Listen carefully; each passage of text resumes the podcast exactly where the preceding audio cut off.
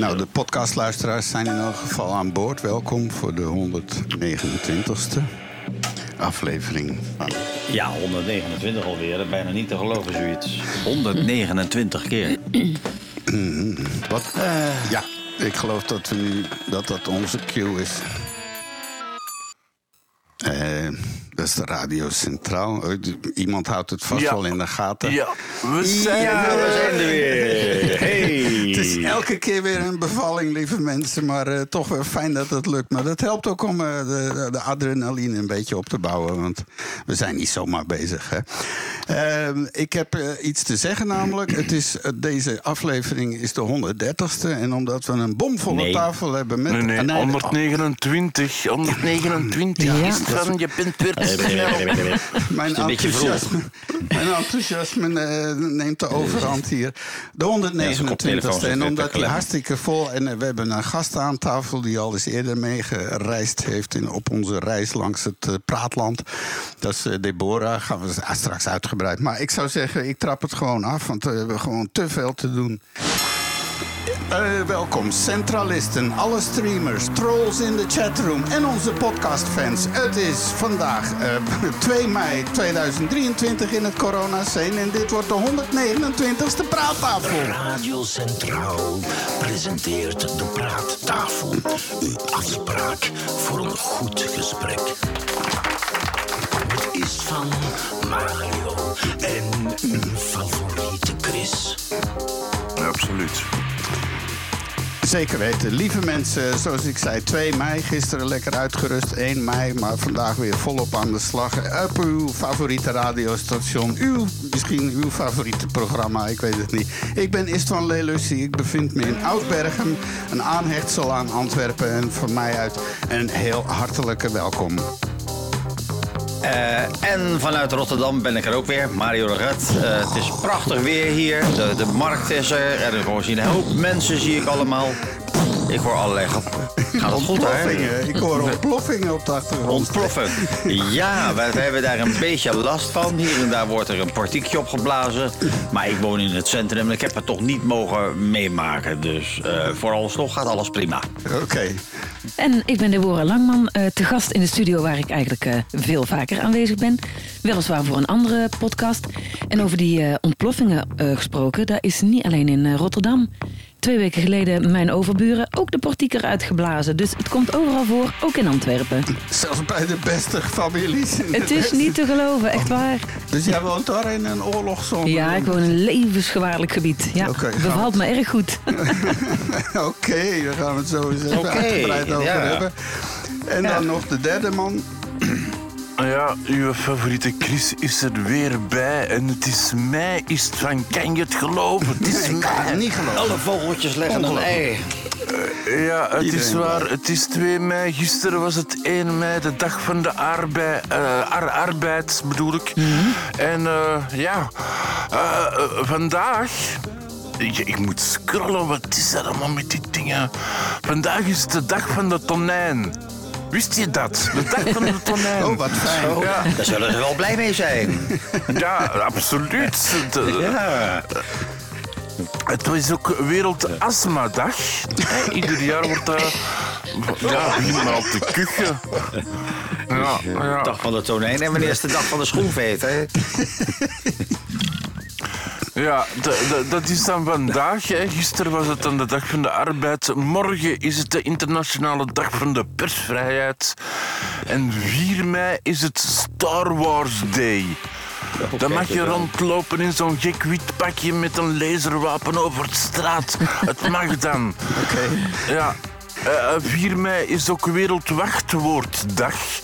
Dat iedereen nog eens denkt van ja, ik moet eigenlijk dat wachtwoord van, van mijn computer nog eens veranderen, want ik denk dat ik anders gehackt word. Wereldwachtwoorddag.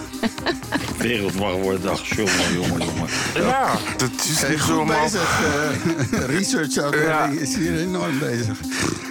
6 mei is het de internationale anti-dieetdag. vind ik wel goed. Maar het is dan ook de internationale dag van het naakt tuinieren. Dus ik hoop dan dat zaterdag mooi weer is. Oké. En 7 mei en zondag is het de dag van de lach. En ik vind dat elke dag wel mag gelachen worden. Want dat is Zo, gezond, het schijnt. Ja, dag niet Er is ook ontzettend, ja, er is ook ontzettend veel gebeurd in het verleden op deze dag. In 1519 overleed Leonardo da Vinci, och arme. Eh, dat was een Italiaanse architect, voor de mensen die hem niet kennen. Het zou raar zijn, maar ja. Een Italiaanse architect, een uitvinder, een ingenieur, een beeldhouwer, een schrijver en een schilder.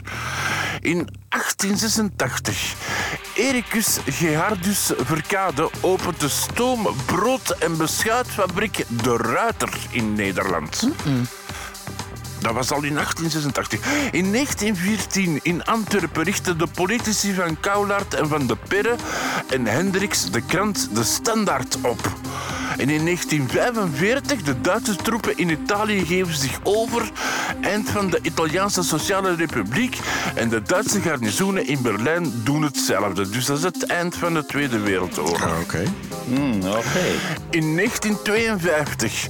De Havilian Comet vliegt als eerste passagiersvliegtuig met een straalmotor Ah, ja. van Londen naar Johannesburg. Was je erbij? Want ik hoor je ah ja zeggen. Ja, dat was een bijzonder vliegtuig. Dat, eh, ik ben een beetje vliegtuigengek. Een beetje, maar. In 1986, de nucleaire Ah, wolk van Tsjernobyl-ramp zweeft over België. Ja, dat weet ik. ik weet eigenlijk Ja, niet wat het resultaat is geworden. Ik heb er daarna ook nooit niks meer van gehoord. Het is Nou, ook niet meer ik- gezien. Maar ik woon Ja? aan de Rotterdamse markt. Volgens mij heeft het echt wel wat gedaan. Is ze daar neergekomen? Dat zou best Nou ja, als je die mensen daar ziet, dan denk je bij tijd en wijle, waar komen die in vredesnaam vandaan? Maar goed, dat is wel iets anders. Ja. Ja, Mario In neemt geen blad voor de 1989, mond. de Hongaarse militairen beginnen met het slopen van het ijzeren gordijn tussen Hongarije Ja. en Oostenrijk. Alle grensblokkades worden afgebroken. Ja. Oh, oké. In 1990, tijdens de ontmoeting in Kaapstad, konden de Zuid-Afrikaanse president Frederik Willem de Klerk en Nelson Mandela overeen de apartheid af te schaffen. Maar ik heb al gehoord, in wettelijk is dat wel afgeschaft, maar dat er toch nog wel een beetje hangt daar zo wat van. Nou, sterker nog, ik heb, eh, je hebt de, de segregatie. eh, het is een volledig gesegregeerde samenleving daar. Helemaal in de Westkaap. Als je donker bent, maak je daar eh, eh, de boel schoon. Nog steeds. Ja. Dat is triest. Dus je mag niet gaan zonnen daar, zwart. In 2006 de IUCN voegt de ijsbeer, bewoner van het Noordpoolgebied, toe aan de lijst van bedreigde diersoorten. En in 2011 als laatste is Osama Bin Laden, de leider van de wereldterreurorganisatie Al-Qaeda, in Abbottabad in een villa door Amerikaanse militairen gedood met een schot door het hoofd. En, en ik weet nog, ik heb die documentaire gezien, ze hebben die gevonden, want overal was er communicatie met gsm's en, en, en pc's en internet, behalve in één huis. Daar was Ja. niks van communicatie te vinden, dus daar zat hem gewoon. Zo simpel was het gewoon. Voilà, kijk ze, dat is met een 2 mei. Goed zo. Even kijken. Nou, kijk eens aan. Luistert Ja. naar Radio Centraal. Oh, dat is wel een beetje zacht hoor, die omroep. Ja, die komt er niet goed door. Punt 7. Het is nog vroeg, hè? DAB Plus. Ah, daar komt wel wat. Livestream. Ja, en dan ga ik meteen even uitleggen wat we allemaal gaan eh, praten als je het nog niet wist. Eh, Barbie poppen met Down en orale seks gezond. Dat is dan de titel voor vandaag. Vandaag gaat het over Barbie poppen met Down syndroom. Over orale seks, of het gezond is of niet. En weer een heleboel ai-gedoe. Ai, ai, ai, ai, ai. Mario heeft het ook over beerdiertjes en 60 jaar oude quasar-mysteries. Ook weer met AI te maken.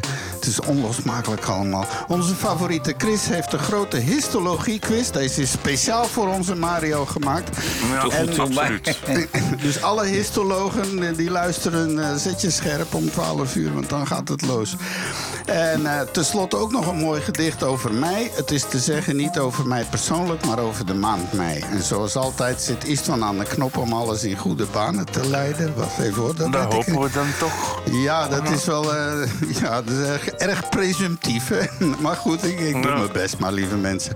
In elk geval, welkom op deze 129ste eh, praattafel op Radio Centraal.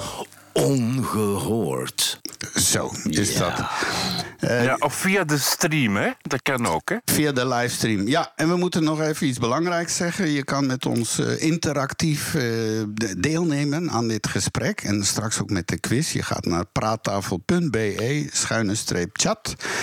En dan kom je bij ons in de chatroom. En eh, om 12 uur exact dan gaan we live met de quiz beginnen. Het is een eh, pittige quiz vandaag, maar volgens de jury Ja, zou het toch... gaat over histologie. En dat is een quiz waar dat de vragen veel langer zijn dan de antwoorden. En waar dat ik zelf, eh, als ik niet de antwoorden al had, nooit zou kunnen googlen. Zo- Zo'n quiz is het. Nou ja. Oh, Oké. Nou, Deborah, zou Gaat jij- worden dan. Zou jij een Barbiepop met Down-syndroom voor een toekomstig kleinkind kopen voor je misschien? Of is het met het wokisme? Want dan moet er ook eentje in een rolstoel zijn en een eentje met zo zonder beentjes en zo. ja, Dan- ik, ik vind En het met een eh, bochel.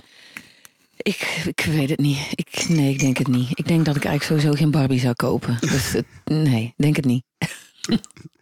Hè, want moet de stigmatisering eh, bestrijden, zeggen ze. Maar zijn we dan niet weer een beetje helemaal over de top aan het gaan met dit soort dingen? Want ja, Ik, ik ben er zeker van, is het van als je met een kindje met Down-syndroom, alles respect daarvoor.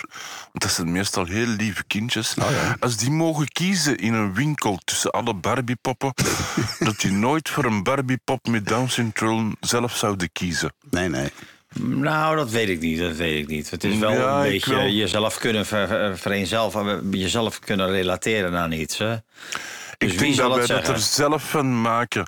Het Speelgoed, hè, dan, dan zit je in je verbeeldingswereld en dan wil je een prinses zijn. Hè, als ik dan een meisje ben of een prins voor een jongen. En dan denk ik dat je iemand anders wilt zijn dan dat je zelf bent. Ik denk dat zou ook. ook als kind geen Misschien. pop willen die op mij lijkt. Want dat zou gewoon een vreselijke pop geweest zijn. Daar kan ik me iets bij voorstellen. Maar inderdaad, als je zelf in een rolstoel zit en je, en je ziet een bar, eh, bar en iedereen kan lopen, dan frustreert dat. Maar als je een pop hebt die in een rolstoel ook in een rolstoel zit, kan ik daar kan ik me Ja. wel iets bij voorstellen. Dus ik ben Maar daar een beetje ambivalent over. en fantasiewereld denk ik dat je dan, als je in een rolstoel zit als kind, dat je liefst zou willen lopen en dat je dan ook een pot neemt die gewoon is gelijk iedereen. Er is een groot Misschien. verschil tussen een huidskleur... Als ik eh, een Afrikaans kindje zou zijn, dan zou ik wel een Afrikaans prinsesje willen zijn. Maar wat betreft dan dat, dat Down-syndroom of die rolstoel, dan denk ik toch dat ik zou kiezen Ja. voor de gewone pop. eh, Nou, ik zag het artikeltje. Je hebt, ze dus, je hebt dus al Barbie-poppen met, met eh, huidaandoeningen. Dus, Ja. dus dan, dan heb je een soort champignonachtig iets. Ik heb geen flauw idee. Dat lijkt me vreselijk, persoonlijk. Ja. Eh, en, en in een rolstoel en, en weet ik het allemaal. Eh, ja, er klaarblijkelijk is er toch een markt voor. En nou ja, kijk, ik vind fijn, laat ik het zo zeggen, ik vind fijn dat die poppen er zijn, mocht een kind daar behoefte aan hebben. Maar inderdaad, de vraag is. eh, Ik denk eh, eerder dat het de ouder is die daarvoor kiest, omdat hij dat ook denkt. Ja, dan denkt men, dat is dan gelijk aan mijn dochter of zoontje. De, maar ik kijk dan al met heel veel belangstelling uit tot de zombiepoppen komen. Ja, de zombie-partypoppen. Ja. Maar ja, als de ouders allebei ook zeg maar Down-syndroom hebben, ze hebben een, dat kan hè, gewoon. Dan, eh, ja, dan zit je toch in een, in een bijzondere wereld eigenlijk. Maar goed, oké. Maar ik weet niet wat Deborah daarvan denkt. Want jij bent ook lerares natuurlijk. Je, je, je kijkt er ook met een... Ja, ik, nou wat ik al zei, ik, ik weet niet of ik zo'n pop zou kopen. Ik weet voor mezelf, vroeger had ik, eh, ik ben geen eh, hoogblonde dame, maar ik had wel een hoogblonde Barbiepop. Maar ik had ook een zwarte babypop, Mirjam. Ik heb er nog. Daar wilde ik per se. Dus ik, ik had het eigenlijk allebei. Oh, Dus, eh, Oh. En een hoogblonde Barbie, enorm slank. En daar konden de knieën van knakken. Vond ik ook ontzettend leuk. maar ik weet niet of ik als ik een, als ik als kind zou kunnen kiezen. Ik, ik weet niet of ik het zou kiezen. Ik weet ook niet of ik het zou kopen. Ik weet het echt niet. ja, het zijn de ouders die dat gaan beslissen Ja. voor, voor dat kind. En, Ja. eh, Dus ja, en over, en over creatief gesproken, dus misschien een beetje een maffe sprong, maar eh, Mario had iets gevonden van een banaan. Eh, Oh, van een kunstwerk. een kunstwerk, ja. want Ja. Jij maakt ook kunst, hè? We weten eigenlijk, eigenlijk want eh, je, je, je werkt als lerares in Baarle-Nassau. Nassau, ja. in, in het Nederlands, Ja, in het Hollandse stuk. Ja, in, ja, mijn lokaal ligt officieel in, eh, in België. Want ik blijf altijd op mijn eh, Belgisch netwerk met mijn telefoon. Dat is wel eh, grappig. Oké. Maar officieel is het, eh, ja, het is een Nederlandse school, dat klopt. Ja. Ja, en daarnaast eh, je zingt. ja, ik ben zangeres en ik maak podcast. En, en, Kijk eens aan. En ook, je hebt kunst gemaakt, want je geeft ook les in kunst. Ja, in de beeldende vorming. Ja, 2 en 3D. Oh, gaaf. Ja. Oké. Gaaf. ja, heel leuk. En, de- en dat is in een dorp waar ze met de trekker naar school komen? Of een Ja, beetje? daar willen ze wel eens met de tractor naar school komen. Ja, inderdaad. Dat is, dat is inderdaad eh, extreem landelijk. Hè? De- Merk je nou groot verschil? Want je woont hier in Antwerpen natuurlijk. Ja. En, eh, maar zou dat op school. Want ik, ik ben nu een kortfilm aan het maken met een eh, school hier op het eh, Kiel. En ik zat van de week de eindcredits in te vullen. En daar hele ploegen hebben meegespeeld, kinderen. En basketbal en staan juichen en zo. En in heel die lijst, ik denk 60, 70 namen, maar één met een Belgische klank. Hè? Ja, Dus- wij, wij hebben eigenlijk, eh, wij, wij zitten dus echt landelijk, dus Balen-Nassau. En dan heb je de dorpen eromheen. Dus je hebt eh Alphen en Kaam. En dus mensen die eigenlijk willen dat hun kind nog een beetje in de, in de buurt blijft. Die komt op die school. Het is een klein schooltje. Wij hebben 200 en een beetje aan, eh, aan leerlingen. Dus het is, het is heel klein. Je kent iedereen. De lijntjes zijn kort. Maar het is inderdaad, we hebben wel nu een aantal eh, zwarte kinderen ook op school. Maar eerst was het echt een hele witte school. Dus, Ja, ja. dus daar komt wel verandering in. De kinderen die met hun ouders gevlucht zijn naar, eh, naar Nederland en dus bij ons eh, op school ja. zitten. Dus dat geeft wel eh, fijn wat, wat kleur. Maar toen ik daar kwam werken was het echt hoofdzakelijk inderdaad een, een witte school. En veel kinderen, ook ouders met een boerenbedrijf. En, ja. En, is daar vrevel of gaat het allemaal Nee. heel goed? Eigenlijk heel, gaat daar heel, het is eigenlijk ontzettend leuk publiek. Heel recht voor zijn raap. Heel, heel prettig. ja, wij hebben fijn, fijn publiek, vind ik. Ja. nou, dat is toch fijn om eens wat goed nieuws te horen, nietwaar? Dus ja, maar, maar, nu die banaan, hè? Was Mario die dat gevonden had? Ja, het is een, eh, het beroemde kunstwerk Comedian van, eh, de, de van een Zuid-Korea. van Ik weet niet wie de kunstenaar is. Eh, maar het, is, het, is, eh, het concept is ook verkocht voor 120.000 dollar. Dat is een banaan die aan de muur is geplakt. Ik, wou, ik ga ook kunstenaar worden, dat wil ik ook, dat wil ik ook. Maar goed, oké. Hij is al een keer eerder opgegeten door een andere kunstenaar. En, en nu is hij dus inderdaad in Korea in, in de maag verdwenen van een kunststudent uit aan de Nationale Universiteit van Seoul. Ja, en, eh, en wat, waarom deed hij dat? De student verklaarde eh, simpelweg omdat hij honger had. Dat is het eigenlijk. en toen hij daar klaar mee was, dat is dan wel weer heel netjes, heeft hij de schil weer aan de muur, de lege schil weer aan de muur geplakt. Ja. En misschien is dit ook wel een soort een vorm van conceptuele kunst, hè, met interactief Ja, publiek. Ja, Wie zal het zeggen? Ja. iets wat was en nu iets wat geweest is of zo. Maar, eh, Ja, ik heb wel eens- maar dan wordt zijn maag niet operatief verwijderd of zo? Want eh, dat is Nee, dan toch wel voor 100.000 euro aan materiaal in die maag. Maar- Nou ja, ik heb, ik heb wel ooit eens een kunstwerk gezien. Wat een menselijk wat bij elkaar een, een, een buizencontraptie met pompen en weet ik het allemaal. En dat was dus zeg maar een, een, een mechanische versie van een, een, van een gewoon spijsverteringsstelsel van een mens. Dat is Ja, een Belgische de- kunstenaar eh, die dat ja. maakt. Ik Ja, ben zijn naam even kwijt, maar die is daar heel wereldberoemd mee. En dat zijn dus inderdaad een eh, installatie, Ja. er kan alles in en er komt poep en pis uit. Ja, en daar denk ik van, dat wordt niet zo gauw opgegeten. maar goed, eh, Nee. maar het, het, het kan natuurlijk, conceptuele kunst. Ik vind dat Maar, ik maar dan vraag mee. ik me af, die banaan is toch dan... In, dat moet toch iedere dag een verse banaan? Want zo'n banaan die wordt oud en bruin. Iedere, nou, ze worden ook als ze vergelen worden, ze ook vervangen, inderdaad. Dus het gaat maar een paar dagen mee. Iedere drie dagen lees ik hier. Eh, omdat hij anders bruin wordt en dan oxideert het. En dan krijg je van die zwarte, van zwarte vlekken, van die bruine en, en vlekken. wat doen ze dan Ja. met eh, die resten van die oude banaan? Die, die zijn dan toch een verzamelaarsobject. Dit, dit, dit Nou, is een misschien, heilige eh, de- banaan. de- dit was een heilige banaan. Nou ja, misschien. eh, je hebt al de voedselbank, maar hebben ze dus de kunstbank voor mensen die het niet kunnen betalen. Die kunnen dan zo'n banaan meenemen. Ja. Ja, ja, Wie zal het zeggen? oké. Nou, en over een eh, banaan eh, opeten en in je mond stoppen. er is nu toch al wat tegenstrijdig nieuws. Want eh, ik had dan iets gevonden in, dat was denk ik New York Times. weer, nou, eigenlijk Rappler.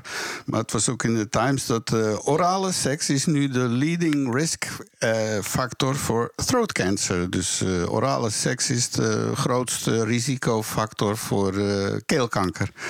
En dat blijkt dan allemaal met het HPV-virus te maken te hebben of zo. Ja. Het humaan papillomavirus is dat. Daar krijgen meisjes kunnen daar baarmoederhalskanker van krijgen. Maar ook mannen kunnen daar kanker van krijgen. Met name keelkanker. Eh, ja, dat is naar. Dat is heel vervelend. En die, dat HPV, dat hebben we allemaal zo'n beetje. Dat, eh, alleen ja, soms on- ontwikkelt het zich in, eh, in een kanker. Dat is, eh, sommige mensen zijn daar gevoeliger voor, omdat hun, eh, ze een klein defect hebben in hun immuunsysteem.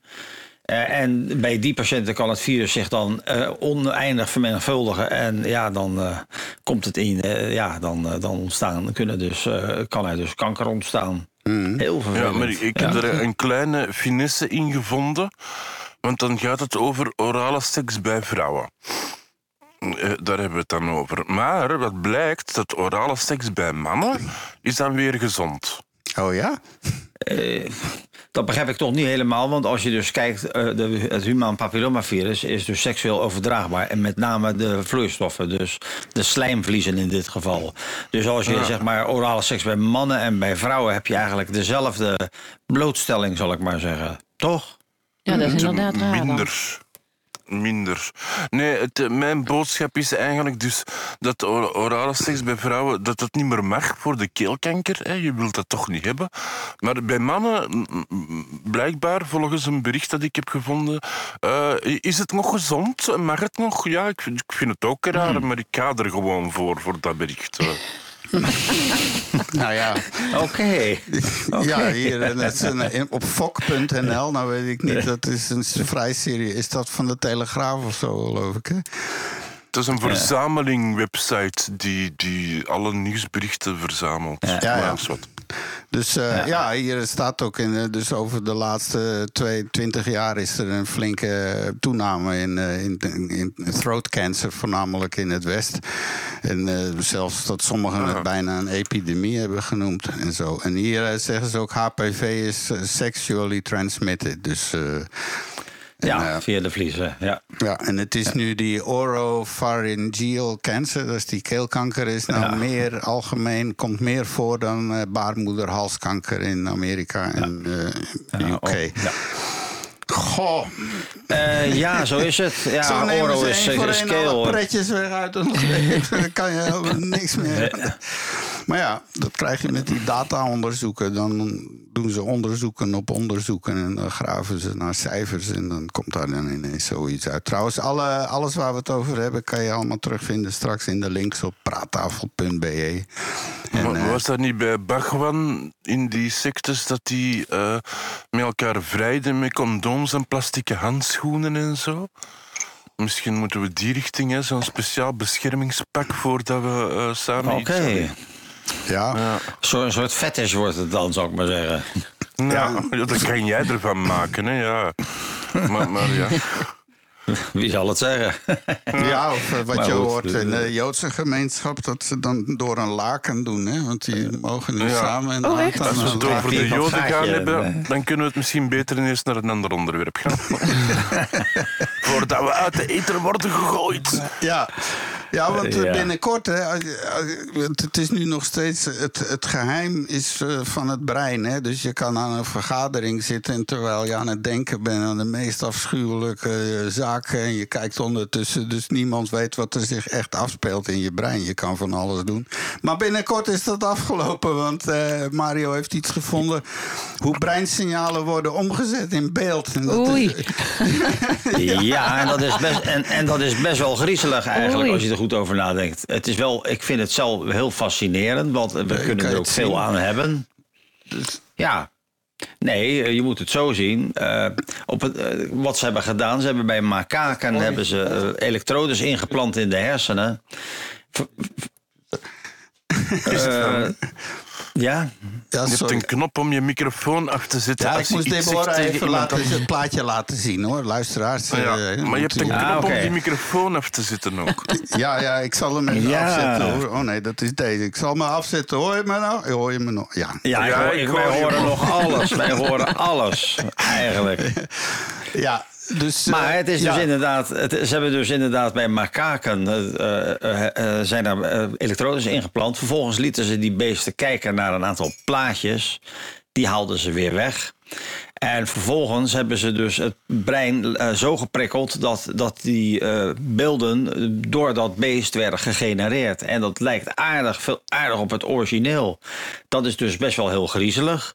Dus dat betekent, eh, dat is eigenlijk een, een, zeg maar een, een interface tussen, tussen techniek en, en, en, de hersenen. Dat is altijd al een beetje griezelig natuurlijk. En wat je dan ziet, wat de, de mogelijkheden zijn natuurlijk ongekend als dat goed gaat. Denk aan bijvoorbeeld eh, mensen met het lock, locked-in syndrome, die Ja, ja. alleen nog maar, eh, als, die zouden dan misschien een manier hebben om eh, te kunnen communiceren. Dat is dan het Ja, meest dat spannende. is nu al redelijk in zwang. Dat begint te marcheren zo. Wa- Wat, wat, wat is dat precies? Ja, het zijn mensen die dus in een soort eh, coma of verlamd zijn, locked in. Maar, die, maar je bent dus wel bewust, maar, je, maar je kan Oh, helemaal niks. En nu bijvoorbeeld eh, Elon Musk is met Neuralink, hè, dat is een van zijn vele hobby's. Eh, die zijn daar ook mee bezig. Dus ook bijvoorbeeld mensen die blind zijn, die krijgen zo'n heel ding en die, met een camera en die gaan dan toch nog weer vormen zien en zo. De, en, en Oké. verlamden die zo'n nek. eh, problemen met Ja, ongeluk hebben, die zijn ze nu met, eh, aan het doorverbinden via computer en Oh, brain. Eh, Die kunnen weer hun armen bedienen en zo, dat soort dingen. Ja, Roboman, Ja, dus de- Dus al met al is dat een, echt best wel een hoop. Ja, het, het, het griezelige is natuurlijk dat het ook weer misbruikt kan worden, natuurlijk. Maar eh, gaat dit echt werken? Dan, nou ja, een van de dingen die men dan zou kunnen onderzoeken is: wat zien we als we aan het dromen zijn? Dat zou dan toch wel heel spannend zijn. Eh, en- Oei, oei, oei. Ja, ja kan dat, heel eh, slecht voor je carrière zijn. Zeker, maar dan, dan, ik, ik, ik voorzie dan ook dat er een hele nieuwe eh, wetenschapsvorm gaat ontstaan. Want eh, ja, eh, dromen, ja, daar is best wel veel onderzoek naar gedaan. Maar dat, dat- is niet echt behoorlijk opgeschoten in de wetenschap, zal ik maar zeggen. Dus ik vind En het een, een boeiend onderzoek. dat ze dat onderzoek eerder op die dromen eh, gaan richten? Of gaan ze dat meer gebruiken als je binnen een paar jaar gaat solliciteren en, en dat die man zegt: en wat vind je van ons bedrijf? Ja, ja. ja, dat is eng. Ja. Ja. Nou ja, het is natuurlijk wel de, de ultieme leugendetector misschien ooit eens. Ja, het is natuurlijk toch wel redelijk. Het, is, het staat in de stijgers. Ik, ik denk niet dat we heel snel dit gaan zien. Maar, maar ja, het, het, het- de, de, de resultaten zijn ernaar. En wat ook griezelig is, is dat het onderzoek ook eh, deels gefinancierd wordt door DARPA. Dat is een tak van de militaire defensie van Amerika. En dat, dat, en, en dat is natuurlijk fishy. De Defense, eh, is de Defense Advanced Research Program Agency. Dus Ja. eh, daar is de muis gevonden, het internet is daar begonnen. En, eh, Ja, ja dus, dus inderdaad, als, als Defensie hierin geïnteresseerd is, dan, ja, dan is dat natuurlijk best wel. Robo dan denk ik mogelijk ook aan. Robo Ja, Soldier eh. komt eraan, joh, die dag en nacht door kan gaan en nooit moe wordt. En, Ja, in, op zich is het best wel fascinerend. Maar inderdaad, zoals met iedere doorbraak, er zijn er ook altijd weer ethische eh, kwesties die moeten worden opgelost. nou ja, Dat zien we nu ook met AI en eigenlijk met alles is dat zo. We Ook doen- de nieuwe. ja. We doen even een, soort mini-quizje. Want eh, Chris heeft vannacht vijf, zes uur gewerkt aan een, eh, een AI-dingetje. Maar je moet maar even uitleggen wat het ook weer was. Ja, het, het is eigenlijk een, een experiment. Het is, eh, ik noem het Eye of Nai. En, en eh, dan moet je kiezen. Maar? Het is eh Eye. hè, het is gemaakt door Eye of Nai. Het is echt. En, en deze keer gaan we naar een website zien die noemt Imaginary Soundscape. En dat is eigenlijk tekst naar, nee, beelden naar geluid.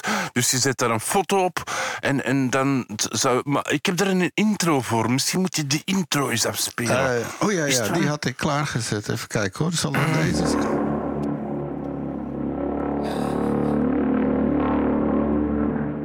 Uwe favoriete quiz gaat AI, oftewel artificiële intelligentie. En vandaag nemen we imaginarysoundscape.net onder de loep. Bij deze website kan je een foto met bijvoorbeeld een paard opplaatsen en dan krijg je het geluid van een paard. Tenminste, dat zou toch moeten, want ik kreeg dit geluid. Maar geen paard. Of een foto van Elvis Presley. En dan hoor je de King zelf zingen. In theorie, want ik kreeg dit te horen.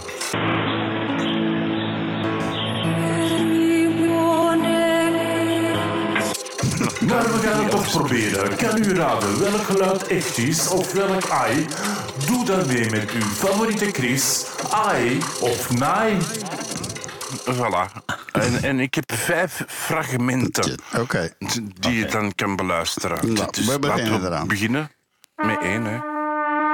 Is het ai of naai? Geluidsfragment 1.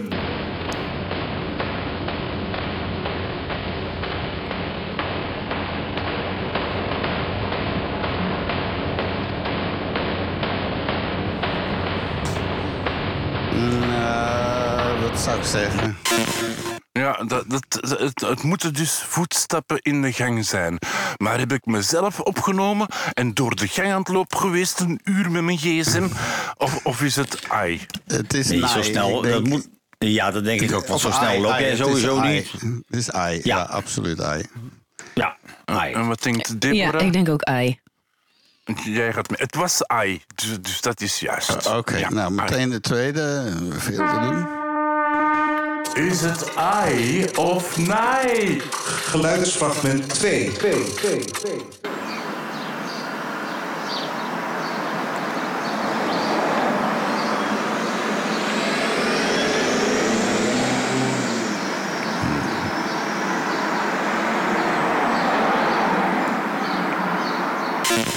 Ja, ik zeg ai. Ja. Ik ook ei. Ik zeg ook ai. Het is nee, het is, het is echt, want ik heb dat van de morgen in mijn straat opgenomen met mijn gsm. Oh, Oh, maar dan je- heb je oh, oké, zo'n ja, heel dan, oud Nokiaatje. Zo'n, Nee, ja, een Nokia 7600 of zo. Dan, dan heb ik dat Nee, ook. nee, ik heb een redelijke nieuwe eh zwart. nou, Ja, his master's voice. Ja, nummer ja. drie. nummer-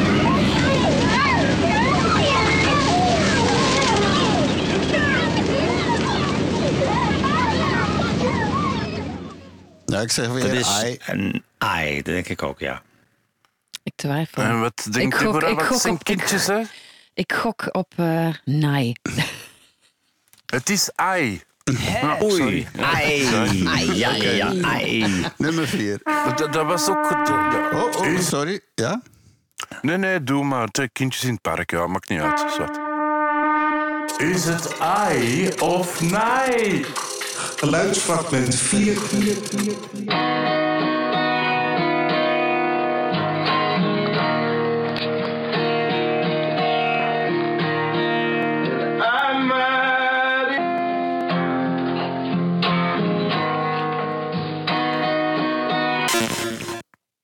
Ja, dit is dan... Heb ik dit opgenomen tijdens het concert van mijn academie in Berchem, die een showcase deden? Of is het ai? Ehm, ik zou zeggen allebei. nee. Deze zou ik dan zeggen nee. Ik zeg Dat, ei. dat denk ik. Ja, het, ik, ik vermoed dat dit een instinker is, want het lijkt heel erg op, op, op eh, ai, maar ik, nee, maar ik denk ai. Het is ai. Oh, oké. Ah, ja, toch. Nou, oké. En de Dus- laatste nu. Is het ai of naai? Geluidsfragment 5. For I can falling in love with you. With you. Is dit een amateur Elvis die aan het zingen was? Of is dit ai? Nou, ik zou zeggen ai. Ja, ei. Ai. Ja, ai. Het rare was met dit... Ik had, ja, je, kan dus, eh, je moet een foto dus uploaden en dan krijg je muziekje. En dit was met een foto van mezelf. Oh, kijk zo. ja, dus je bent eigenlijk imitatie Elvis. Ja, Ja. ik had ook een foto Love van Elvis tender. opgeload. En toen kreeg ik vogeltjes te horen. Maar toen dat ik een foto van mezelf eh, uploadde, kreeg ik dit. Mm, Oké. Oké. Ja, ja. Dus eh, wat, wat leren we eruit? Dat, dat eh, die imaginarysoundscape.net nog wel werk heeft aan zijn eh, materiaal. Oké, bij deze twee Het sterren wordt dan. twee sterren. Ja. Van de, van de 20. of van de 5. Of van de 3. dat laten we even Oké. in het midden. Oké. Laten we even in het midden hier. Ja, Ja. wacht. U luistert naar Radio Centraal op FM 106.7, DAB+, en livestream.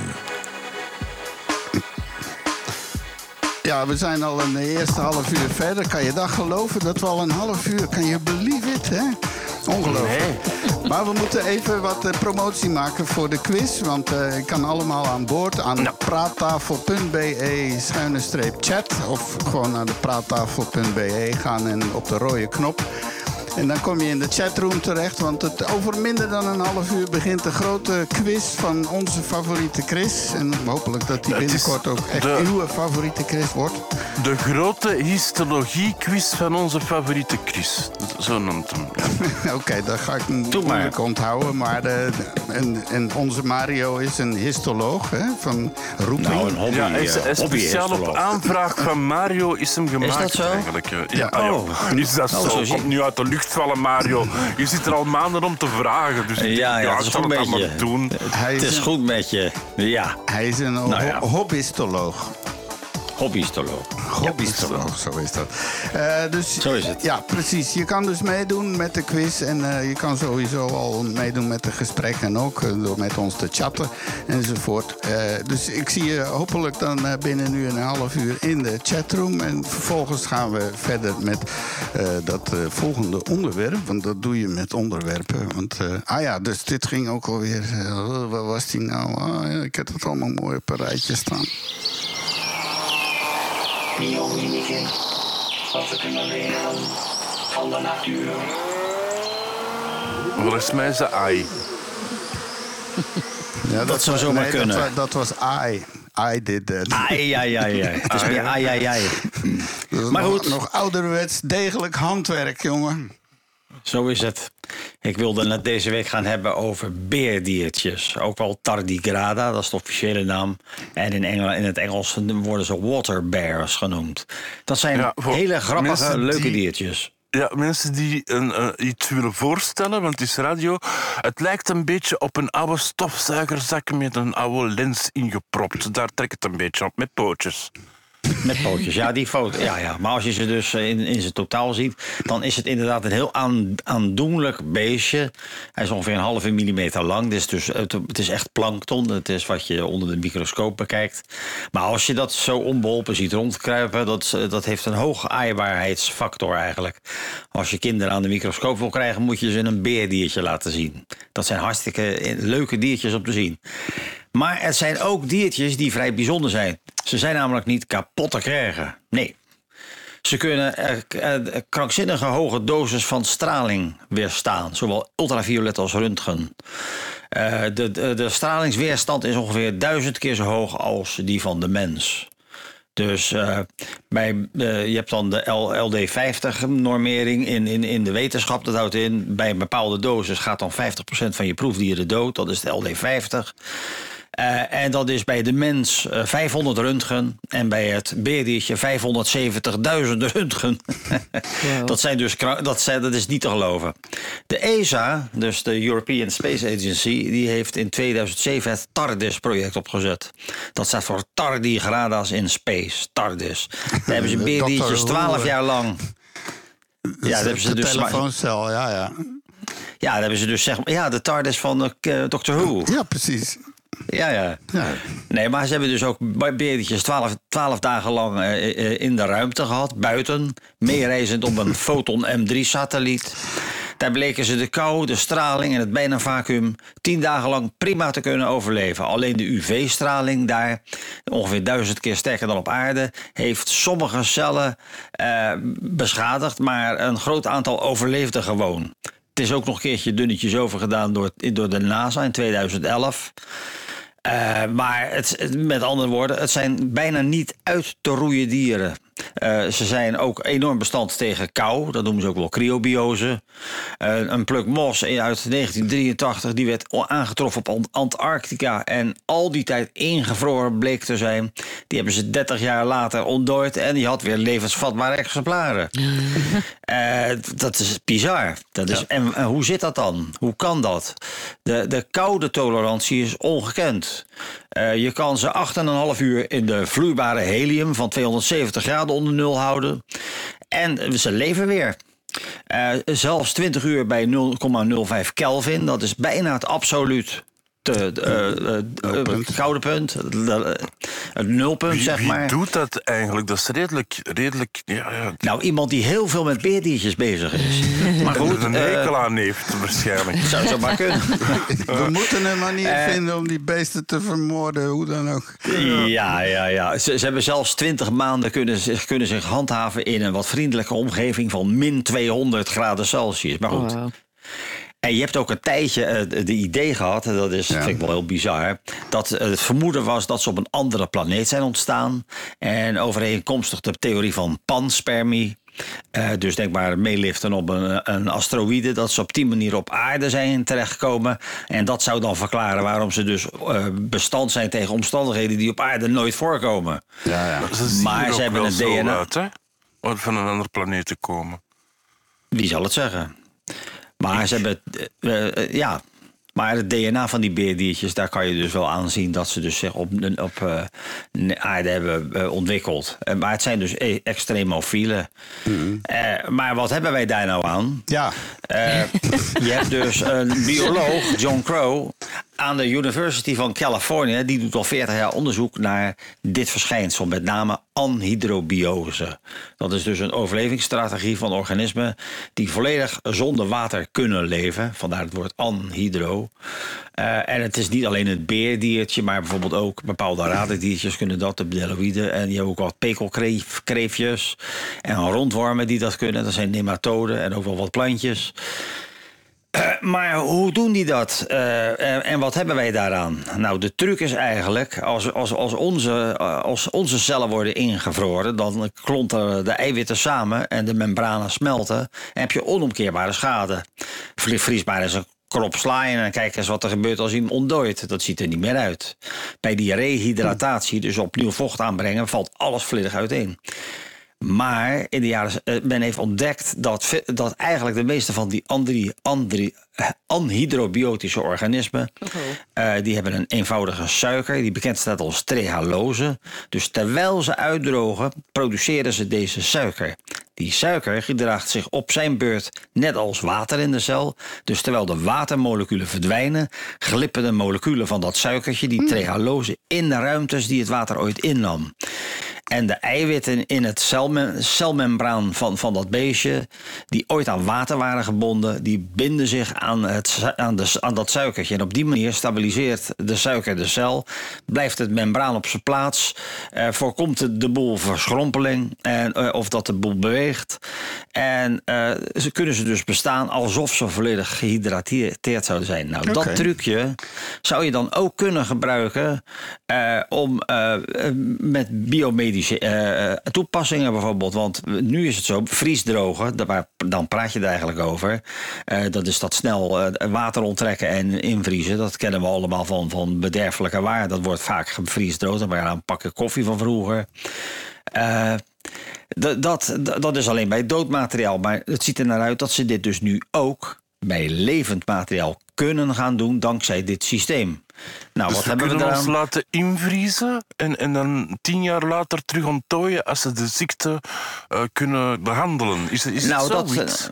Eh, Nou, dat, ik weet niet of het zo zal gaan werken. Maar dat is uiteindelijk inderdaad wel waar je over praat. Maar waar, waar het dus nu direct handig voor is, eh, dat is voor bloed.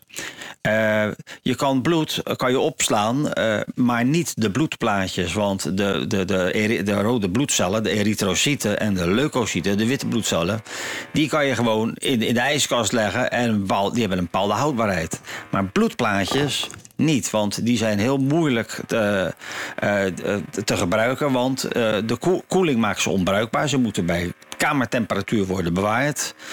Eh, dus bloedbanken gooien die menselijke bloedplaatjes al na drie tot vijf dagen weg. En zelfs dan eh, zijn ze vaak be- besmet met schimmels, bacteriën of virussen. En die bloedplaatjes heb je keihard nodig als je bijvoorbeeld een ongeluk hebt gehad. Want die zorgen ervoor dat het bloeden stopt. Door, door, door, maar daar zijn de bloedplaatjes voor. Dat, eh, die, eh, dat is een ingewikkeld proces. Maar dat is het belangrijkste onderdeel van, jou, van de reparatie.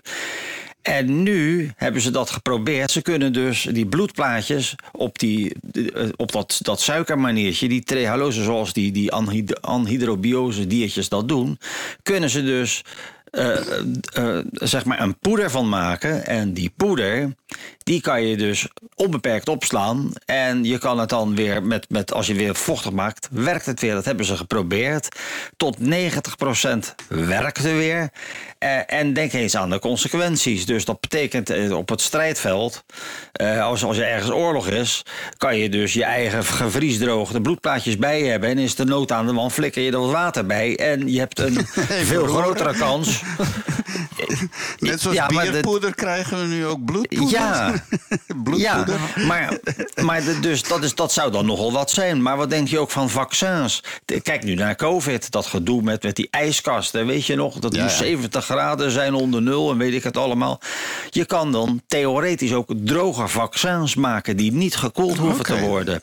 Oh. Dus uiteindelijk is dit een enorme, als dit gaat werken, en daar ziet het wel naar uit, gaat dit een enorme winst betekenen voor de medische wereld en mee voor ons. Dat was mijn verhaal over de beerdiertjes. Oké, en, en je krijgt vandaag wel een applaus voor de meeste moeilijke woorden Nou, uitgesproken. inderdaad. Oh, oh, wacht, wacht. Nou. Je hebt mijn quiz nog niet gehoord, hè? Dat maar eh, Trouwens, Deborah, Ja? ze- je, je zit hier, maar je zegt niet zoveel. Maar hoe gaat het eigenlijk met jouw podcast? Goed.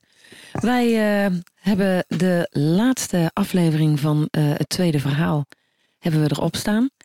En daar gaan we binnenkort even een beetje reclame over maken. Want het is. komt er alle posters, eh, affiches, laatste nieuws, voorpagina. Je wil, je wil niet weten wat er gaat gebeuren binnenkort. Ja, ik, ik, ik moet eerlijk bekennen, Ja. ik, ik heb denk ik de eerste twee afleveringen beluisterd van uw eerste verhaal. Dat was dan over Tony Hans de van. Nee, dat is de tweede. Dat is de tweede podcast. Ah, was- De eerste was eh, de moord op Ah, eh, ja, ja, ja, Toon, de Preeuw ja, ja. En, eh, in Turnhout, het raadslid. Ja. Ja, maar ik was heel benieuwd.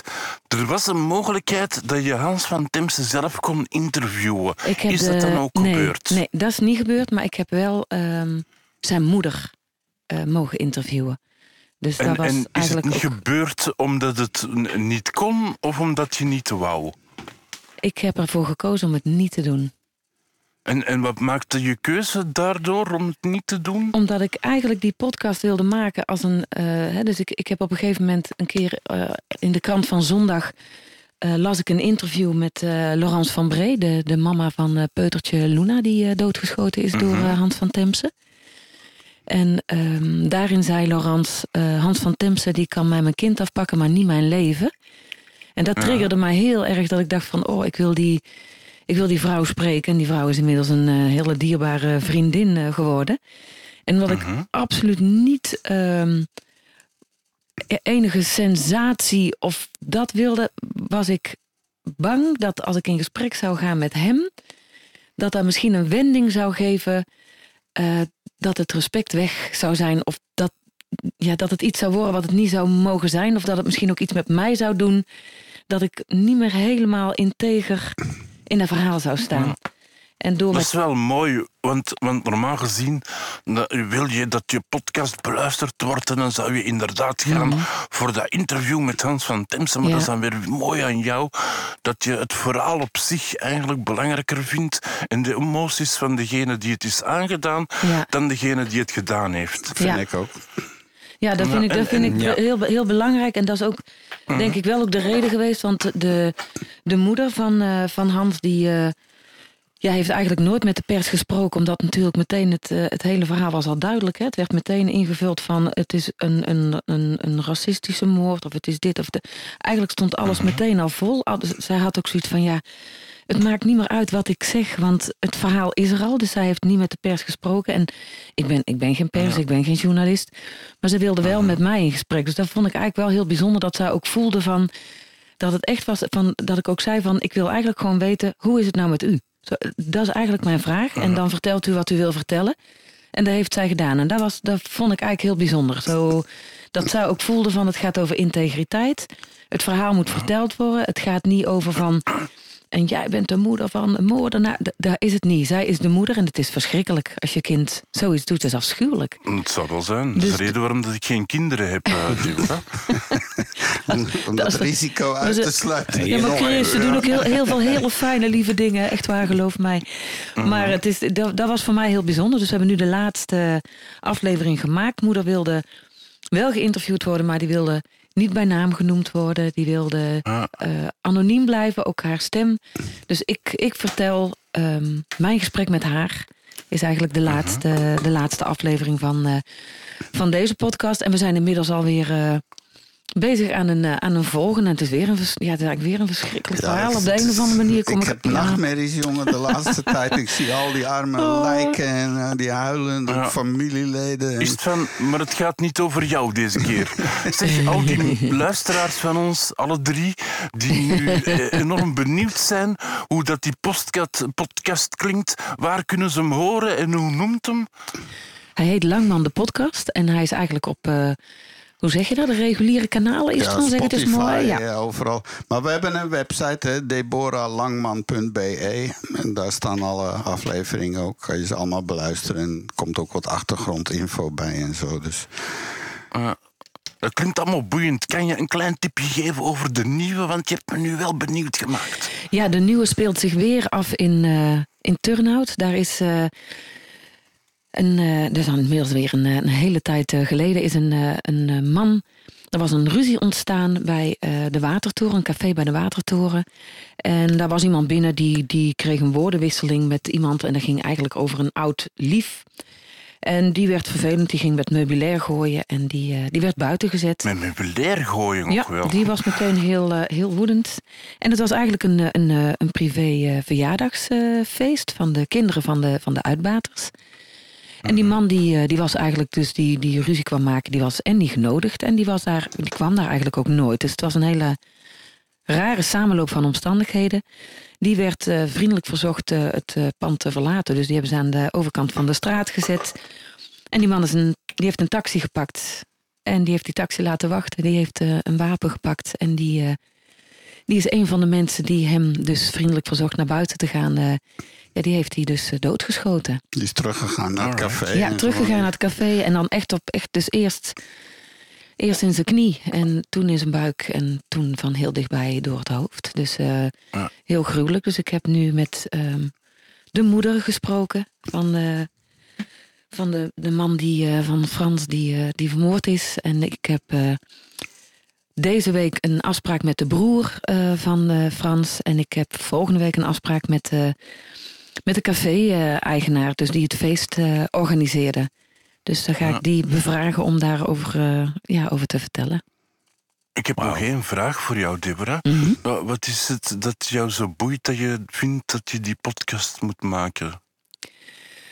Goh, ja, het is, het is eigenlijk begonnen dat ik zelf heel graag naar, eh, naar de True Crime eh, podcast luister. De mooie, niet de, niet de sensatie, niet de, niet de vettigheid. Daar zit ik helemaal niet op te wachten. Mhm. Ik vind het belangrijk dat het verhaal verteld wordt. En op de een of andere manier ja, kom ik heel vaak mensen tegen in mijn leven en krijg ik enorme verhalen. En toen dacht ik, goh, waarom zou ik die verhalen niet gaan vertellen? Dus de eerste podcast is eigenlijk ontstaan doordat ik bevriend ben met de zoon van eh Toon de Preeuw. En die heeft ooit aan de houtkachel bij mij thuis de hele verhaal verteld over wat zijn vader was overkomen. En ja, toen dacht ik, goh, ik wil dat verhaal eigenlijk heel graag gaan vertellen. En eh, hij vond dat goed. En toen dacht ik, ja, ik vind het eigenlijk wel mooi om een verhaal waar vaak sensatie aan vastzit, om daar op een, ja, op een, op een andere manier te vertellen. Om ja, eigenlijk eer aan, aan het slachtoffer ook eh, te geven, zeg maar. Ja, want die krijgen eigenlijk totaal of toch heel weinig aandacht in het nieuws. Het is altijd de dader, de dader, de dader. Ja, En, eh, en wat nu met het slachtoffer? Er wordt eigenlijk inderdaad heel weinig over verteld. ja. Terwijl, dat, ja, daar zijn dan toch ook wel boeiende verhalen van dat je... Dat, dat, dat heeft mij bij Laurence echt eh, ontzettend geraakt. Dat zij ja, ook, ook uitspraken doet van... Ja, ik ben niet de enige die een kind is verloren. Hè? De, de moeder van Hans is eigenlijk ook haar zoon verloren. Ja, als je Ja, zo op zo'n manier kunt denken, dat is, ja, dat is natuurlijk wel heel bijzonder. Dus dan ja, krijg je wel ja, hele verdrietige, maar wel eigenlijk hele mooie, mooie gesprekken. Ja, en dan nog want je zou denken, zo met Hans van Temse, ja, het ligt aan de opvoeding. Ja, daar lag werd ook gezegd. toen op de opvoeding? Was het zo? Nee, of ik was heb- het zo niet? Nee, nee, ik heb eigenlijk met een. eh, er was wel een, eh, een, een link. Eh, een van de familieleden was actief binnen het Vlaams Belang. Maar ja, goed, dat zegt natuurlijk helemaal niks verder over. Dat is verschrikkelijk. Maar, wel- Ja, maar, ja. maar de pers die sprong daar Ja, volledig meteen, op. hè? Dus het was, het was kansloos, meteen wat dat betreft.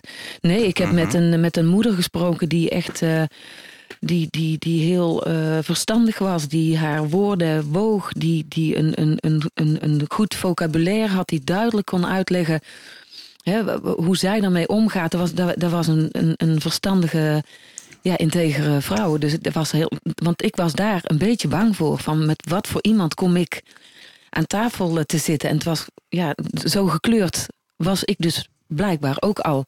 Dat ik ook al Ja. eigenlijk dacht van... oei, wat gaat, daar, wat gaat daar voor iets zijn? En dat er dan Mhm. ja, helemaal iets anders is. En dat je ja, echt onder de indruk bent ook weer van die vrouw. Dus ja, dat is ehm, ja, bijzonder. En dat staat nu allemaal al online. Dat De laatste, de laatste aflevering eh, nog niet. Die komt er binnenkort op. En dan eh, gaan we daar wa- wat extra reclame voor maken. Dus daar gaan we vanavond even voor samen Wat zitten. ik al zei, bushokjes. We hebben een vliegtuig met een sleper gehuurd. Eh, Die kan drie dagen over heel Vlaanderen. En dan eh, doen we ook nog iets met holoprojecties en zo. En bushokjes, bushokjes natuurlijk. hè. Alle bushokjes. Je kan ook misschien met een lange leren zwarte jas en een, en een geweer rondlopen in de stad als Verschrikkelijk, hè? reclame. Is dat geen idee? Nee. Ja, en dan met een QR-code op je jas. Zo. Ja. Ja, en dat zo iemand, dat zo iemand, Dat zo iemand zo kon rondlopen. Hè. Er zijn dus hartstikke veel mensen die hem ge- gezien hebben. hè. En dan Ja, niet, ja. niet, Ik weet zelfs niets, een niets verhaal dat mij is verteld van een journalist. Die, hij had daar aangebeld aan de deur bij die journalist. Die woonde daar ook in de buurt. En die, die journalist lag nog in zijn bed en die keek door het raam en die zag die staan en denkt, ja, ik ga niet open doen. Wat een normale reactie is als iemand met een zwarte leren jas en een geweer voor je deur staat.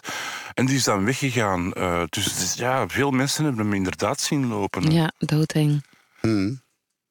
Ja, en eh, ja, voor de Nederlandse luisteraars, want eh, er zijn luisteraars in Nederland die misschien niet helemaal weten, maar het is een erg, erg geruchtmakende zaak geweest. Eh, dat was in 2005 of zo? Zes. Z- 2006. Eh, die gast die op een gegeven moment sloegen zijn stoppen door op de een of andere manier. En die is dus op wandel gegaan in Antwerpen. En hij wilde eigenlijk zelfmoord, suicide by cop. Hij wilde neergeschoten worden door een Dat agent. verhaal gaat, dat zal moeder nooit bevestigen. Dus dat Nee. is ook weer iets wat wij ingefluisterd of gelezen hebben. Of, maar goed, luister, luister vooral eh Langman de podcast, zou ik zeggen. Ja, zeker. Dus de eerste drie afleveringen die staan al online. En eh, ja, de andere, die, eh, de vierde, daar zijn we nu aan het delibereren hoe we dit gaan doen en zo. Want dat is wel de meest gevoelige, want daarin is het gesprek, je- jouw persoonlijke neerslag van het hele gesprek met Ja. de moeder. En dat was, dat was behoorlijk intens om het allereerst uit te schrijven. Want je denkt natuurlijk, waar ben ik mee bezig hier? En, Ja. en dan het opnemen, ja, dat is toch echt wel een performance waard en zo. Dus. Ja, eh, het is bijna 12 uur. Ik denk dat we pek en veren Ja. maar eh, over eh, de quiz heen moeten tillen. Want eh, ja, daar is, eh, dat wordt te kort. hè, Eh, we ja. hebben nog maar twee, drie minuten. Eh, Ja, sorry, ik, ik, ik vind als we een gast Ja, vind ik uitnodigen...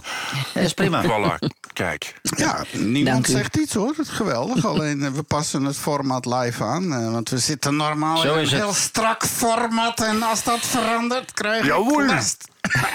Ja. Dus eh, wie, wie is hier autistisch? Wie is hier?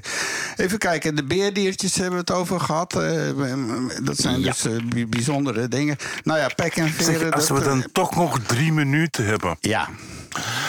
In Engeland wordt er eh, zaterdag een koning gekroond. Oh ja, Ja. Charles. ja.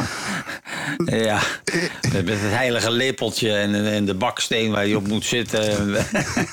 dus, dus het staat helemaal bol van... van eh, en die gouden knotsen doen ze daar ook nog wat mee. Het is, het is echt wel een rare formalistisch gebeuren. Hoor. Echt heel erg Het is uit theater. feodale tijden. Ja, en ik, ik, ik hoorde ook nog iets van dat. ehm, wie is nou de zoon? Is de- Die, eh, die los Harry. Harry, Harry is oh met ja, Meghan. Met eh, Meghan, ja. Ja. En eh, voor, de, eh, voor de kroning nu is eh, binnen Madame Tussaud Harry weer even toegevoegd bij de familie. Want eigenlijk was die apart gezet.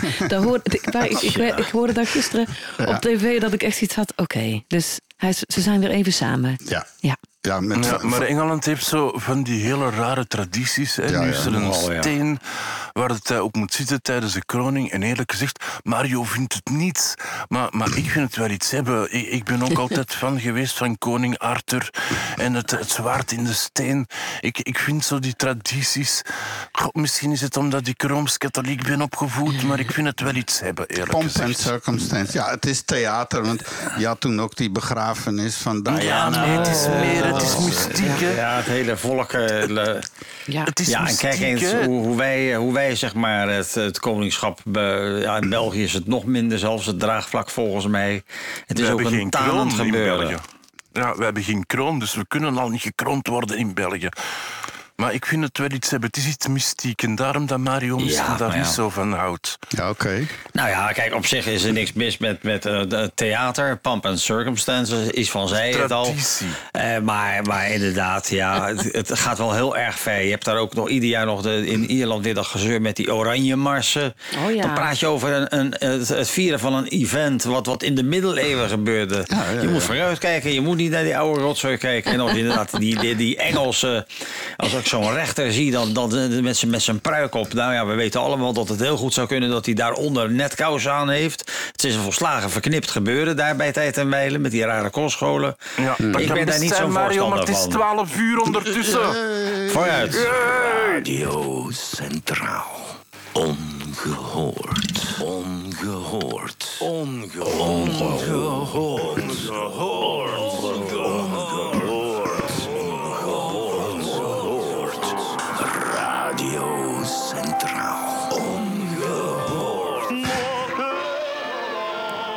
Zeker, het is 12 uur in de landen en dat houdt in dat het hele land stilstaat, want we zijn klaar. Chris heeft zich hem inmiddels omgekleed met een glimmend jasje, glimmend haar, glimmende Ja, nee, schoenen. ik heb zo'n zo'n doktersjas aan en, en een masker en een bril en handschoenen. En...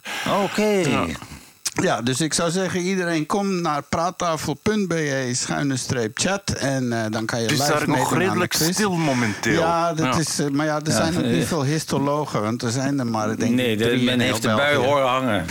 Waarschijnlijk. nou, dus deze keer eh, Mario on the spot. Maar eh, ik zou zeggen... Nou, lekker is dat. eh, nee, neem het maar over, beste Chris. Ik zou zeggen, Ja. hier is je...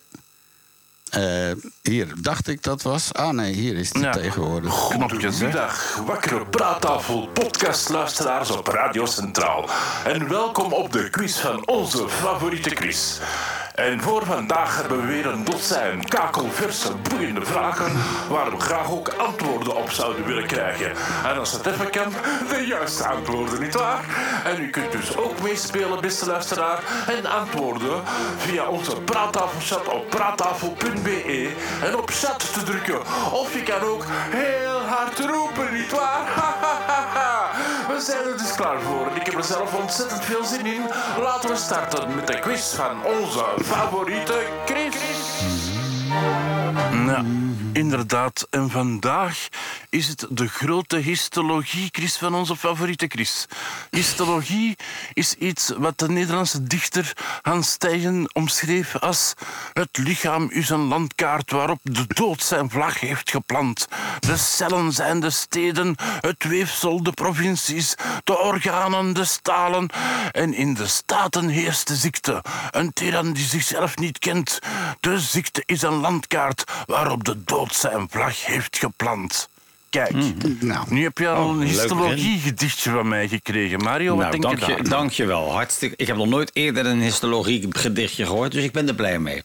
Ja, voilà. Het is van een Nederlandse dichter, hè, dus het is niet ai. Oké.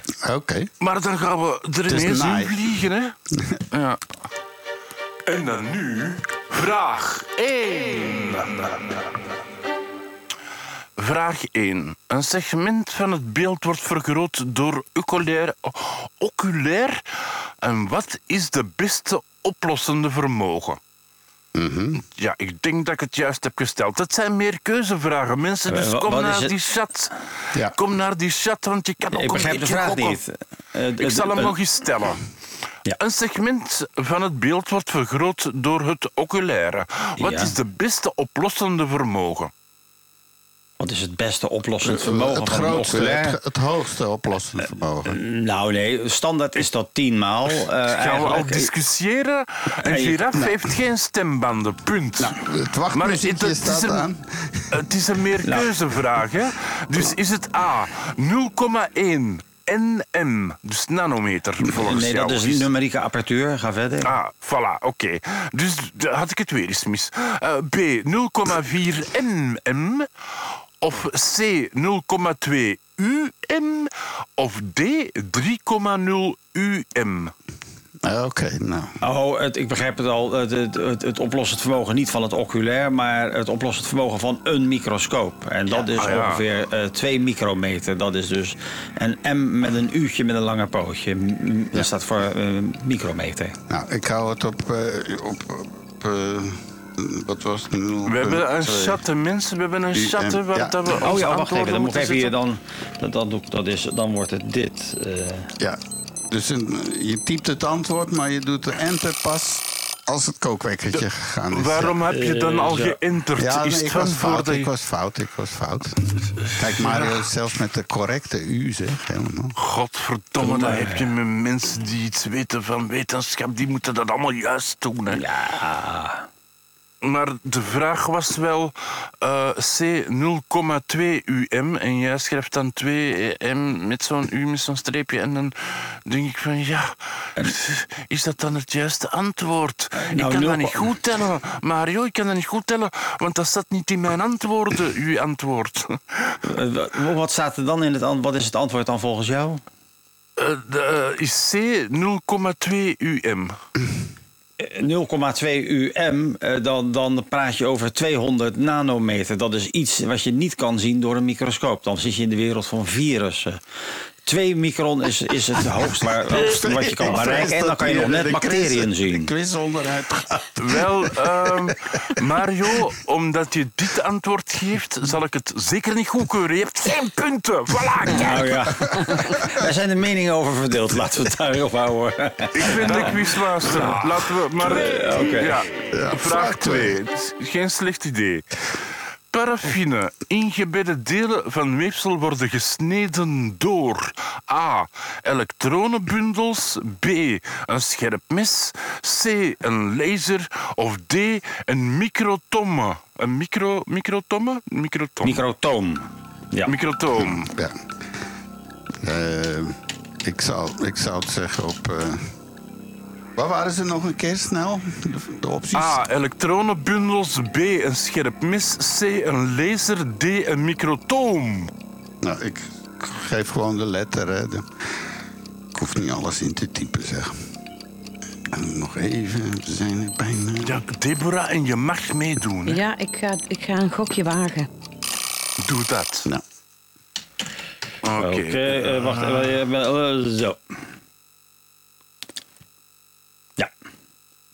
De microtoom met een scherp mes, dat zijn Ja. twee antwoorden. Ik kan dat niet Nee. goed stellen. Mario. Dat, dat gaat niet lukken, hè. Ik heb een Sorry. microtoom waar ik paraffine mee snij en die rust ik uit met een scherp mes. Ja, ja, maar dat is mijn antwoord niet. Het was A, een elektronenbundel, B, een scherp mes, C, een laser of D, een microtoom. Dus het moest A, B, C of D zijn. En jij schrijft microtoom een scherp mes. Ik kan dat niet goedkeuren, hè, Mario. nou, dan heb, Dat ik het, heb niet, ik het weer fout. Ja, dan, eh, Mhm. goh, dan, dan, dan, moet ik dan, maar- dan ga ik mijn microtoom gelijk verkopen. Wat heb ik daar dan aan? Ja, niks hè, blijkbaar. Ja, dat Want is van, raar genoeg is het van het, het gelijk. Het was een, een- een microtoom. Ja, Ja, dat is het, natuurlijk. Maar er zit een scherp Ja. mes in, dat is het hele idee. ja, maar Maar goed, dat moest we- ik niet weten. Nee, ik moest een D weten. D moest ik weten. Ja, oké. Ja, we nemen geen gevangenen vandaag. Ja, ja, oké. En dan zitten we al aan vraag 3. Hoe dik zijn paraffine ingebedde selecties die zijn gesneden? Ik kan het nog eens zeggen. Hè. Hoe dik zijn paraffine ingebedde selecties die zijn gesneden? En die kunnen gesneden zijn met een scherp mes of een microtoom. het maakt me allemaal niet uit. Maar de keuzeantwoorden zijn A. Tussen de 5 en de 8 UM. B. Tussen de 5 en de 8 NM. C. Tussen de 3 en de 4 NM.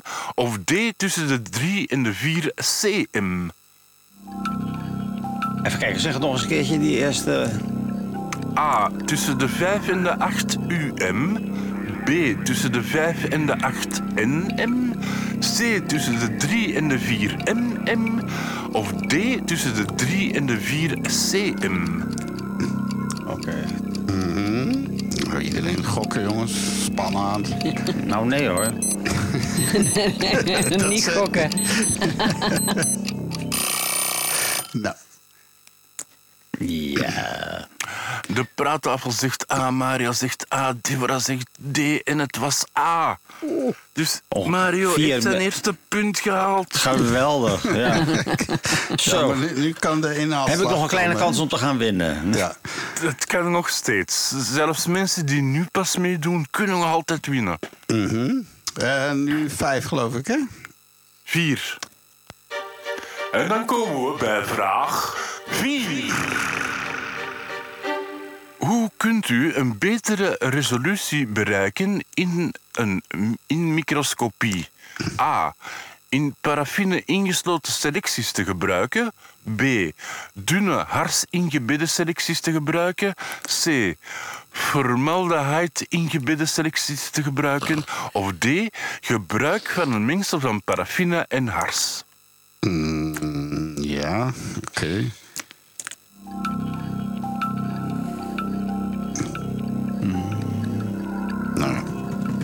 Gambling. Ik, ik doe weinig histologie trouwens. hoor. Heel weinig. Ik totaal geen. Nee. Goh, ik, ik, ik, ik histoleer eh, minder, ja. Oké. Sluit je aan bij de quiz, mensen. Als je de volgende vragen goed hebt, kan je nog winnen. Hallucinante prijzen, ja. Ja, raar genoeg. Ja, en Mario had al een antwoord gegeven voor het Ja, belletje ging, dus ik kan dat niet goedkeuren.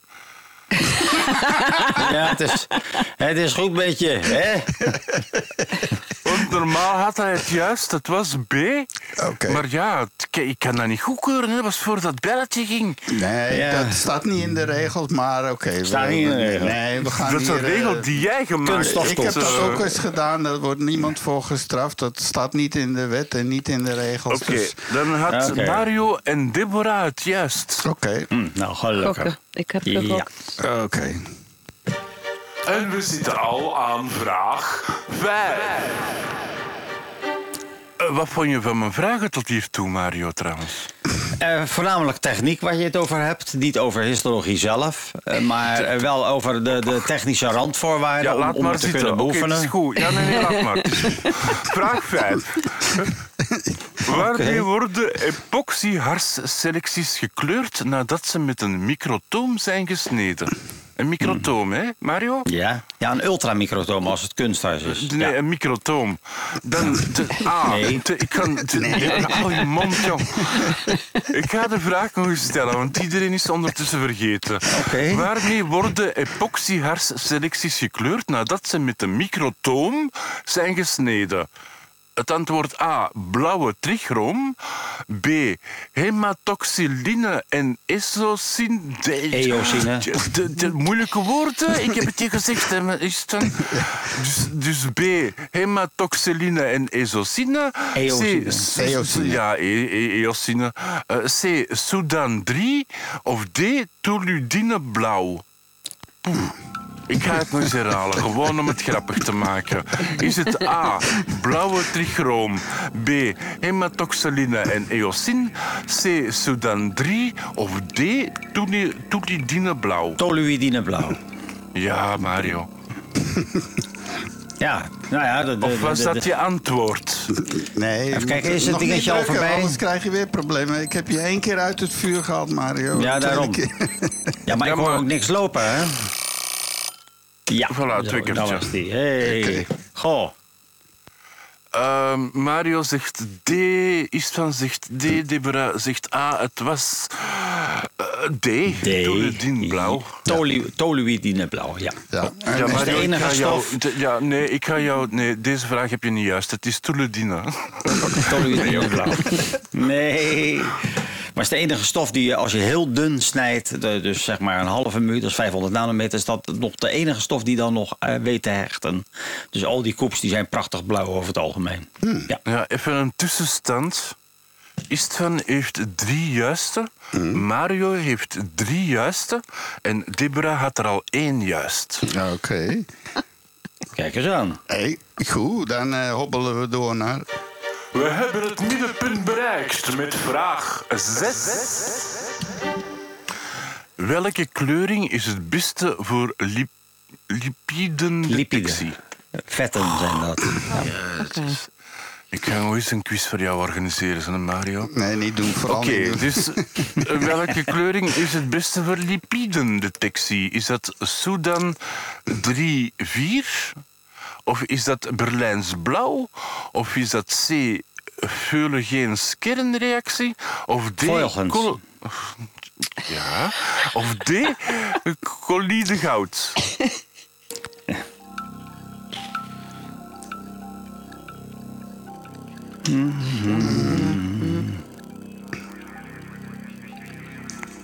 Ik zal straks uitleggen waarom ik op bepaalde antwoorden gok. Want ja, ik heb geen flauw idee. Ik weet niet eens ik kan die niet eens vooruit acht- uit- uitspreken. Laat staan achteruit.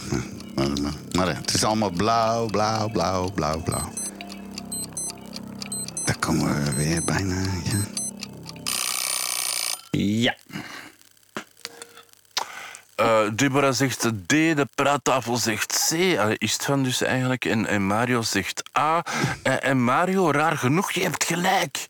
Ja, Het is A. Oké, doe nou, maar. hoppakee. Nou, vooruit. Ja, dat is nog een vraag, hè?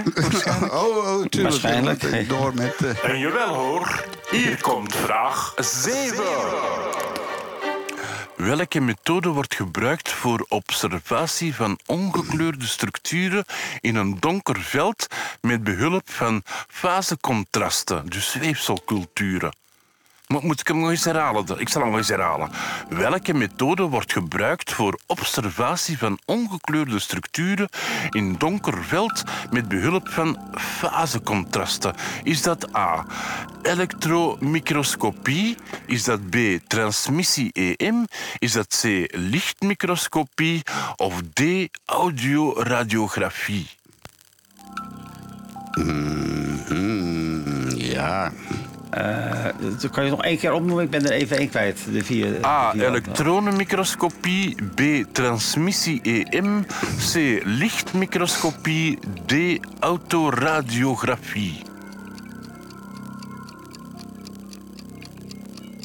Ja, ja. Komt het klokje. Klokje doet ja. Nou, die weet ik eigenlijk ook niet goed. Die weet ik niet goed. Ja, Istvan zegt D. ja Mario iets zegt met B. De- Deborah zegt C. En eh, gek genoeg heeft Deborah gelijk. Het is lichtmicroscopie. Ja, dat wist ik eigenlijk ook niet. Maar- Kijk, Jas is leerkracht, hè, dus die weet alles gewoon Ja, van mm, alles. Hè. Ja, Zo is dat. absoluut. Oké. Nee, nee, nee, nee. En dan maken we plaats voor vraag 8. Ja, tje, weer zo'n zo'n lange vraag, dus wees er een beetje bij. Ehm, paraffine, ingebedde selecties. Het blok weefsel wordt gehydrateerd door het weefsel door een reeks gegarandeerde ethanols tot 100% plus of aceton te laten gaan voordat het in paraffine wordt ingesloten. En dat is jouw hobby, Mario. Waar ben je mee bezig, jongen? Ja, hè? Dan moet ethanol worden vervangen door een apolaire oplossingsmiddel van paraffine, zoals xyleen of benzeen. De feiten kennen van wat zijn de nadelen van paraffine-inbedding. Er zijn drie antwoorden mogelijk, dus het staat op drie punten. Hoe spannend is dat? Antwoord A. Het is onmogelijk om dunne selecties te bereiden. B. De selecties raken vaak gebarsten. C. Het weefsel krimpt. D. De onbehandelde selecties kunnen niet permanent worden opgeslagen. E. Lipiden kunnen niet worden gedetecteerd. Of F. De enzymen worden geïnactiveerd. Kijk, Ik vind het eh, een beetje een ingewikkelde vraag, dit. Zeg. ja. maar heel die histologie vind ik ingewikkeld. Ja, maar eh, wat is de vraagstelling? Dat was niet helemaal duidelijk. Ik, ik begrijp Wat je zijn niet. de nadelen van paraffine in een inbending? In een inbedding. Maar ja, eh, Ja, nou ja, wat zijn dan- de nadelen van paraffine in een inbedding? Hm. Ah, Dat, bijvoorbeeld, eh, ja, ik weet niet. En dan de antwoorden, dat, dat begrijp ik ook niet. Eh, Dus de nadelen van paraffine in een inbedding kunnen zijn A. Het is onmogelijk om dunne selecties te bereiden. B. De selecties raken vaak gebarsten. C. Het weefsel krimpt. D. De onbehandelde selecties kunnen niet permanent worden opgeslagen. E. Lipiden kunnen niet worden gedetecteerd. Of F. De enzymen worden geïnactiveerd. Zo moeilijk is dat nu toch ook niet, hè, Mario? nee, nee, nee. Maar- het is van alles een beetje waar. Maar oké, ga verder. Ah, wel, maar je kan drie juiste antwoorden hebben. En als je ze alle drie juist hebt, dan heb je drie extra punten. Oké, ze- dus ze zijn... eh, ja, ja. Oh, je mag er drie van de zes kiezen? Ja. Ah, oké. Oh, wacht even. Ja, ik wil zeggen, het is allemaal je een mag, beetje hè, waar. Je hoeft niet, hè, maar het moet ook juist zijn. Hè? Even kijken, ja, ze krimpen. Maar wat was dat, A of B? Ik weet het echt niet meer. Ja. Ah, N- Nee, we gaan Ik niet gok alles maar, herhalen. Mario. Er is gewoon geen tijd voor. Er is gewoon geen, Nou, is T, nou dan, dan gok ik ook maar even. D, C en... eh, wacht even, wacht even. Ik had al D, maar dan doe ik eh, D en C eh, en A. Ik vond F wel gewoon ook leuk dat het kon. Ik denk, ik doe F. Oké. ja, maar ik zie geen Maar ja, F staan bij jou. Jawel, ik heb F en dan D een C. DC. Ik heb eerst had ik Ja. F en, Ah, en toen ja, hoorde maar ik... In ene Amai. hoorde ik toen Ja, dat dat ik is meer van alles een beetje. je moet het wel samen zitten, want anders zie ik dat niet. Hè. Oh, oké, dan, dan hou ik het op DC. Ja. Ja, eh, eh, Het is van alles een beetje. Ja, ik ben aan het kijken of dat je eentje juist hebt. En ja, Mario, je hebt er eentje juist van de drie. Dat is toch al iets, hè? Ja, zeker, zeker. Het is, van, het is van alles wat, zou ik maar En de zeggen. Patra, pa, de Istvan, eens kijken, die heeft ook eentje juist. Dat, dat is ook al iets. En, en Deborah eh, de, de, mm, heeft er ook eentje juist. Maar ze had ook echt gezegd, dus ik ga haar twee punten geven. Want het antwoord is C. De weefsels krimpen. E. Lipiden kunnen niet worden gedetecteerd. En F. De enzymen wordt geïnactiveerd. Hupsa. Dat klopt allemaal. Ja. Ja, C, E, F. CEF. Ja, waarom zeg je dan DCA, Mario? Als Omdat ik, niet, omdat ik de vragen niet heb opgeschreven. Je krijgt een hele reeks van... eh, en, en ja, wat is het? Dat onthoud ik niet. Ja, Nee. Laten we maar verder gaan. naar En toen de werd ook, het werd ook niet duidelijk dat, het, dat, dat er een meerdere antwoorden zouden kunnen zijn. Jawel, Want dat ik had zei ik in ook het gelijk, het is van alles een beetje. Hè? Dat had ik in het begin van de zin wel gezegd. Maar ja, is wat. Eh, Voorspelbaar. Zijn we al zover? Hier komt vraag Nee. Voor mij mocht het al verder zijn. Negen. Ah, vraag 9. Paraffine ingebeelde selecties, deel 3. Deze oplossingsmiddelen maken het weefsel ook doorschijnend, de zogenaamde clearing. Het weefsel wordt vervolgens in gesmolten paraffine, 56C, geplaatst en in de implementatiekamer wordt het ingebedde paraffine na afkoeling hard. De paraffine uit het ontstaan van het paraffineblok, het zijn examenvragen echt, hè, die ik heb hier. Daar klaar, dus wacht, na afkoeling hard, de paraffine uit het ontstaan van het paraffineblok dat klaar is om te worden gesneden. Selecties worden op een glasplaatje geplaatst, uitgerekt en bevestigd met een gelatine van een mengsel van het witte ei en glycerol. Een verhouding van 1 op 1. Welk oplossingsmiddel maakt het weefsel doorschijnend? En je kan twee juiste antwoorden geven. Het gaat op twee punten. Is het A. Ethanol, B. Xyleen, C. Benzeen, D. Paraffine of E. Eosine? Zullen we nog één Was het keer voor de Mario? letters? Even nog in de letters allemaal. A. Ethanol. B. Xyleen. C. Benzeen. D. Paraffine. E. Eosine. Oh, Oké. Ik, eh, ik heb wel een idee. In elk geval. Heb je een Twee idee? antwoorden mag, hè? Ja. Twee Ja, letters. twee antwoorden. Ai, ik kan ai, even ai. een paar x'jes zetten, dat ik weet waar dat we zitten. Oh, twee antwoorden. Eh, eh, eh, Oké, dat, dat was A was de ethanol. Oh, dan is het dit. Ja. Ja. Deborah zegt A, ethanol en D, paraffine. Eh Istvan zegt A, ethanol en E, eosine. En Mario zegt B, xyleen Xy- en A, ethanol. Ja. Xyleen. Xyleen en ethanol. Xyleen en ethanol. Wat dat fout is, Mario. Eh, het, is, eh, het is wel B, xyleen, maar C, benzeen. Dus wie heeft er... Oh, oké. maar ja, wie dus- doet dat met, met benzeen? Iedereen doet dat met xyleen. Maar goed, oké. Benzine. Ik heb hele Ja, lades vol met, met deze blokken die ik maak, wat jij zo beschrijft. Dit is, dit is wat ik doe. De, en trouwens, het opplakken eh, van, van koeps eh, met eh, eiwit en glycerine, dat deden ze in 1814, hè? Ja, Wel, uit welk boek heb je dat gehaald? Eh, His Master's dit zijn, Voice? dit zijn examenvragen eh, Ja. aan de universiteit. Ja, van, eh, van, 1800. van 1920. Nou, Maar goed, ga verder. Ja, oké. Ja, sorry hoor. Ja, het is allemaal erg. En het zijn alleen maar technische vragen. Ja, Mario, kijk, je mag, je mag, je mag dus eh, volgende week eh, een, een quiz maken over mijn favoriete bezigheid, masturberen. Oh, oké, dat masturberen. kan. Nee, synthesizers. Ah, ja. Oh ja, ja. synthesizer, dat is een goed idee. Ja, ik heb heel veel vragen over synthesizers. Ja, dat is zo. Oké. Vraag 10. Ja, ik heb het jingeltje al gedaan. Ga je gang maar. Ja. Wat is een algemeen weefselkleuring? Is dat H? Jesus Christ. Hematoxyline en eosine, tussen haakjes HE. B is dat toulidine blauw. Of C is dat sodin 4 en eosine. Dus ik ga het nog eens herhalen. Wat is een algemene weefselkleuring? Is dat A, hematoxyline en eosin HE? Is dat B, tourledine blauw? Of C, Sudan 4 en eosine?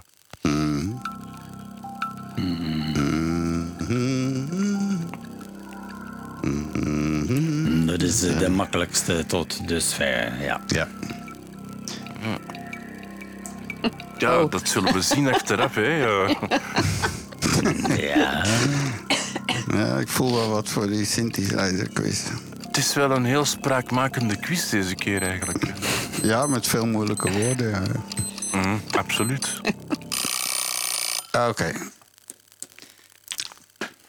Eh Istvan zegt B, tourledine blauw. Mario zegt A, hematoxyline en eosine, wat het juiste antwoord is, Mario.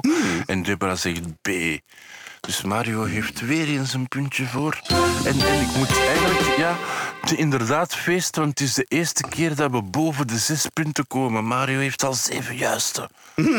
wauw. We zijn er bijna door, want hier komt vraag 11. Inderdaad, vraag 11. Nucleair rood is A. Basisvlek B. Zure vlek. C. Gebruikt om rectaculaire vezels te kleuren. B. Gebruikt om myeline sheets te kleuren. Of E. Gebruikt om steen... De, de vlekken zijn het... Het is een vertaling van het Engels. Hemasoderine. Dus gebruikt om steen hemasoderine. Dus vlekken. Wat, wat is dit? Ik word hier Duidelijke vraag. depressief. depressief. Je kan drie juiste antwoorden geven op de vier vragen. Dus wat je ook gokt, je hebt altijd wel juist. Ergens. Dat is in dit geval ook heel hard nodig. Ja. Ik word hier Oké, dan worden we. nee, dat is niet helemaal. Ja, dat is niet helemaal eh, te begrijpen, dit. Maar oké, doe maar. Huppatee, Ja.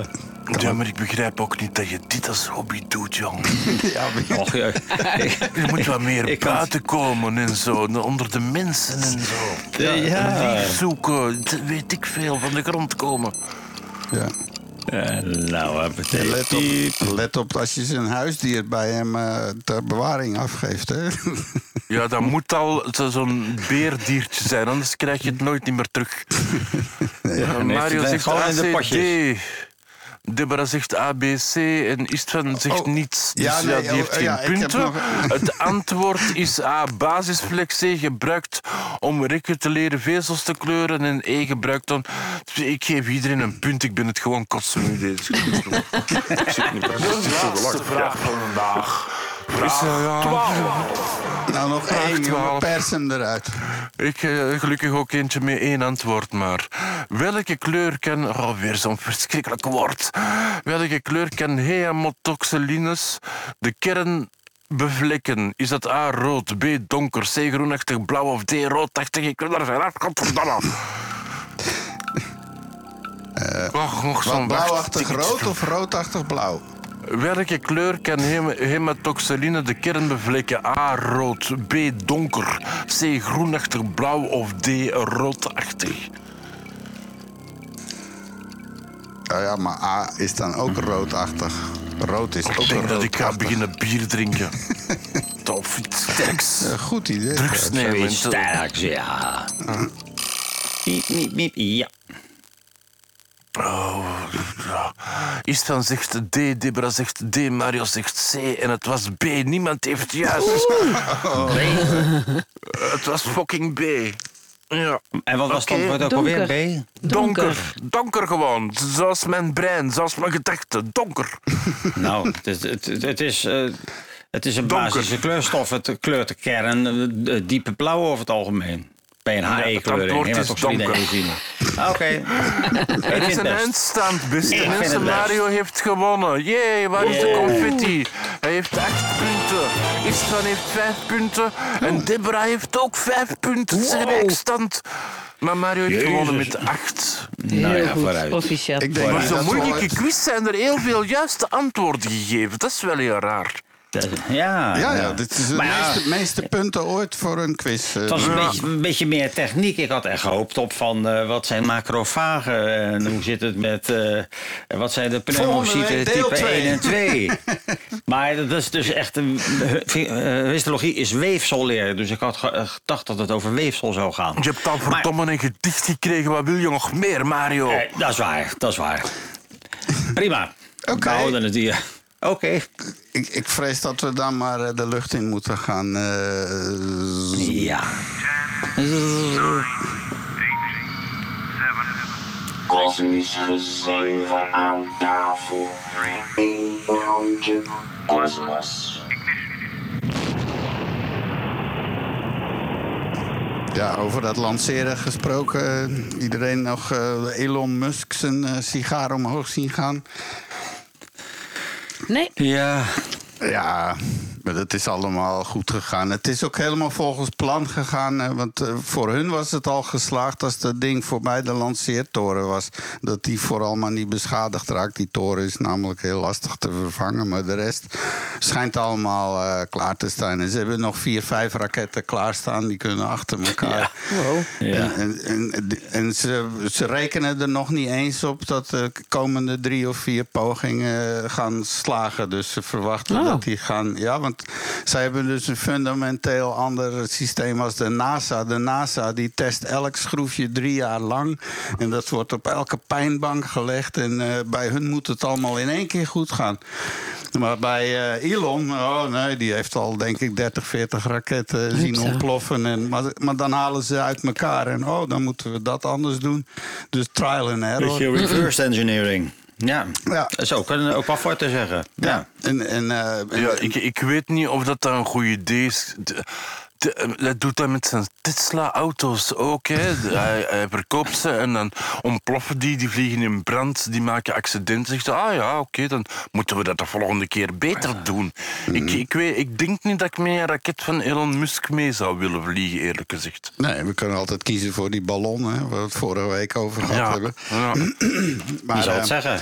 Maar Elon is eh, moeilijk te stoppen. En eh, die, die gaat ons echt naar Mars brengen en eh, de maan brengen. En weet ik wat hij allemaal gaat doen. Dus, eh, maar, eh, de, maar zijn sterkste... Ik heb dus een interview gehoord. Het enige interview wat hij gaf na die lancering... was aan een groepje vrij jonge podcasters... eh, die al jarenlang met SpaceX bezig zijn. En die hebben hem... Dat was een dik uur. hebben hem uitgehoord helemaal over alle details. En hoe zat het die en met de motoren... en wat deed het niet meer enzovoort. En, ja, dat is uiterst boeiend als je dat soort dingen interessant vindt. Maar hij, is echt op een missie om de mensheid te bevrijden van deze planeet. dus. Yes. Ja. Pardon. Eh, maar we, hebben het, ja, het, we zouden het gaan hebben over quasars. Dat is best wel een interessant iets, moet ik zeggen. Want eh, wat, wat is een quasar? We, we komen om in de termen in de, in de astronomie... van, van magnetars en eh, rode en witte dwergen enzovoort. Maar een quasar, die, eh, daar hebben we er maar een paar van, gelukkig maar. Dat is zo'n beetje het meest heftige wat in het universum kan gebeuren. Ja, als je, als je ze ziet, dan lijkt het een beetje op een sterretje. Dat wil zeggen, het is een puntbron. Maar door de zeer hoge roodverschuiving is bekend dat die objecten, die quasars, zich op afstanden van miljarden lichtjaren van de aarde bevinden. Miljarden.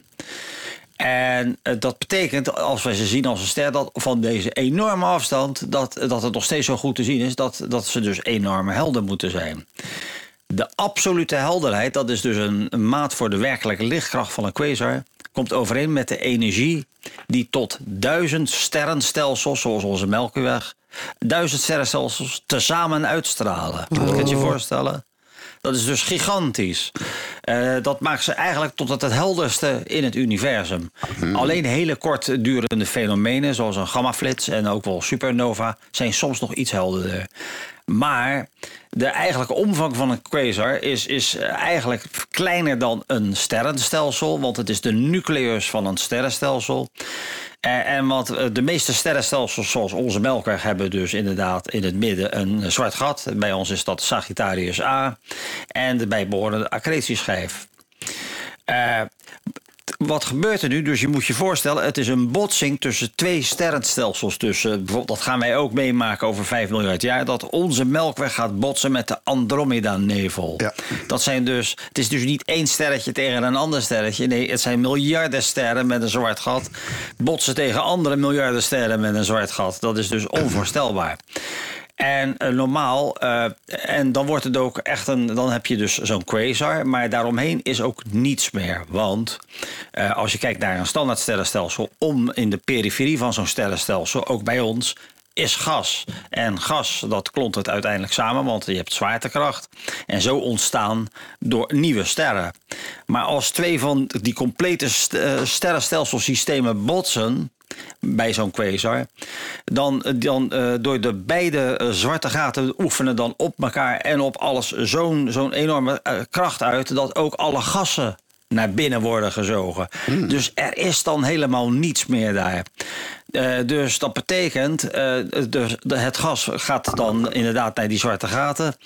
En eh, er komt enorm hoeveelheid energie vrij in de vorm van straling. Dan heb je die be- beroemde kar- karakteristieke quasarschittering. En je hebt inderdaad dan ineens weer een heel gebied in het universum wat volledig leeg is. En eh, dat is mijn verhaaltje eh, eh, uitleg. Wat is nou het meest heftige wat je kan zien in het hele universum? Dat is dus de quasar. Oké. Ja. Maar als ik het goed begrijp, Als ik het goed begrijp, dus die zwarte gaten, hè, dat is niks, dat zijn zwarte gaten. En de quasar is niks. Dus wat is het meeste bezien dat je wilt zien in de dingen, is een hele hoop niets dus eigenlijk. Nou, nee, kijk, bij nee om, om een zwart gat heb je al nog steeds, als het maar op enige afstand is, gas.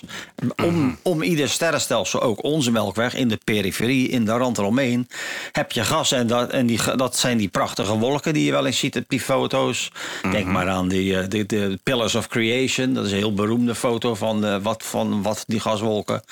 Daar ontstaan, dat is een kraamkamer voor nieuwe sterren. Dat hebben alle sterrenstelsels. Zo her- hernieuwt het zichzelf. Alleen met zo'n quasar wordt die hele omgeving leeggetrokken. Want normaal gaat dat gas niet in dat zwarte gat. Maar als twee sterrenstelsels met elkaar botsen, dan, eh, dan is het een dusdanig zootje dat ook het gas naar binnen gezogen wordt. En heb je dus in de hele omgeving van, de, van die quasar helemaal niets meer. Dus Wel, dat, is wel vrij ik bijzonder. Toch, wat is er dan te zien? Een heleboel niets. Ja. Ja, Ja, maar bedoel je het zo? Ja. Ja. ja, ja. je bent niet altijd even duidelijk, maar ik begrijp nu denk ik wel wat je Sorry, bedoelt. ja, ik ben van Antwerpen, ik kan daar ook niks aan doen. Maar, maar op Nou die foto van zo'n quasar zien ze dan ook niets. Of, dat is een zwarte foto. Nee, je ziet, je ziet inderdaad, en, en, en nou, je ziet die quasar zelf, dat is, het hele zootje wordt dan als, het wordt geen zwart gat, het, het, hele zootje wordt een nucleus en dat is, en dat is dus een, een, een soort lichtbron die gigantisch is. Eh, die dus eh, de energie uitstraalt van duizend sterrenstelsels tezamen. Nou, dus dat is onvoorstelbaar. Het is een eeuwigdurende, ongelooflijke hoeveelheid licht die daaruit komt. Alleen het is zo ver weg, miljarden lichtjaren weg, dat, dat we het alleen in de verte kunnen zien als een, als een, een soort gloeiende punt. Maar ja, je praat over, eh, over dingen die zijn ontstaan eigenlijk vlak na de Big Bang. En Ja, we ja. zitten daar enorm afstand van. Maar dus dus het, wij zien het als een sterretje.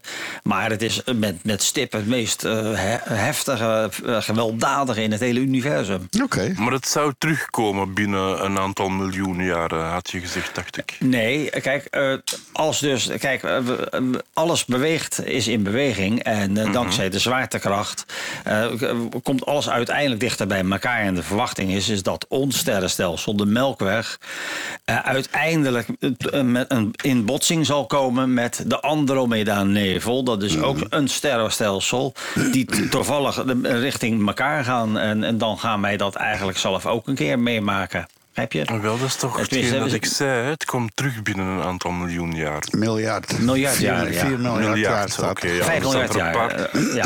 Vijf miljard ja. jaar. Oké, wie weet er meer dan vijf? Iemand in de zaal? Vijf Zes? miljard. Vijf miljard. Moet ik zo lang nog wachten om dat te zien? Ja, het zal niet meer voor Ja. ons zijn, jongen. Dat is het tragische van dit alles. Dat wij dat niet meer gaan meemaken. hè.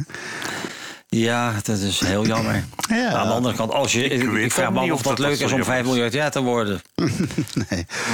Hey, eh, ja, Ik kan me laten invriezen tot een poeder. Dat je dan daarna met water terug kan opwekken. Ja. Eh, ja, nou, we Ja. kunnen het proberen volgende week dinsdag. Ja, is goed. Breng jij de maar- diepvries mee? Dan, eh, Maar wie heeft dan die ge- gebruiksaanwijzing nog over 5 miljard jaar? Want dan... dat staat op de verpakking, hè? Dat staat op de verpakking, hè?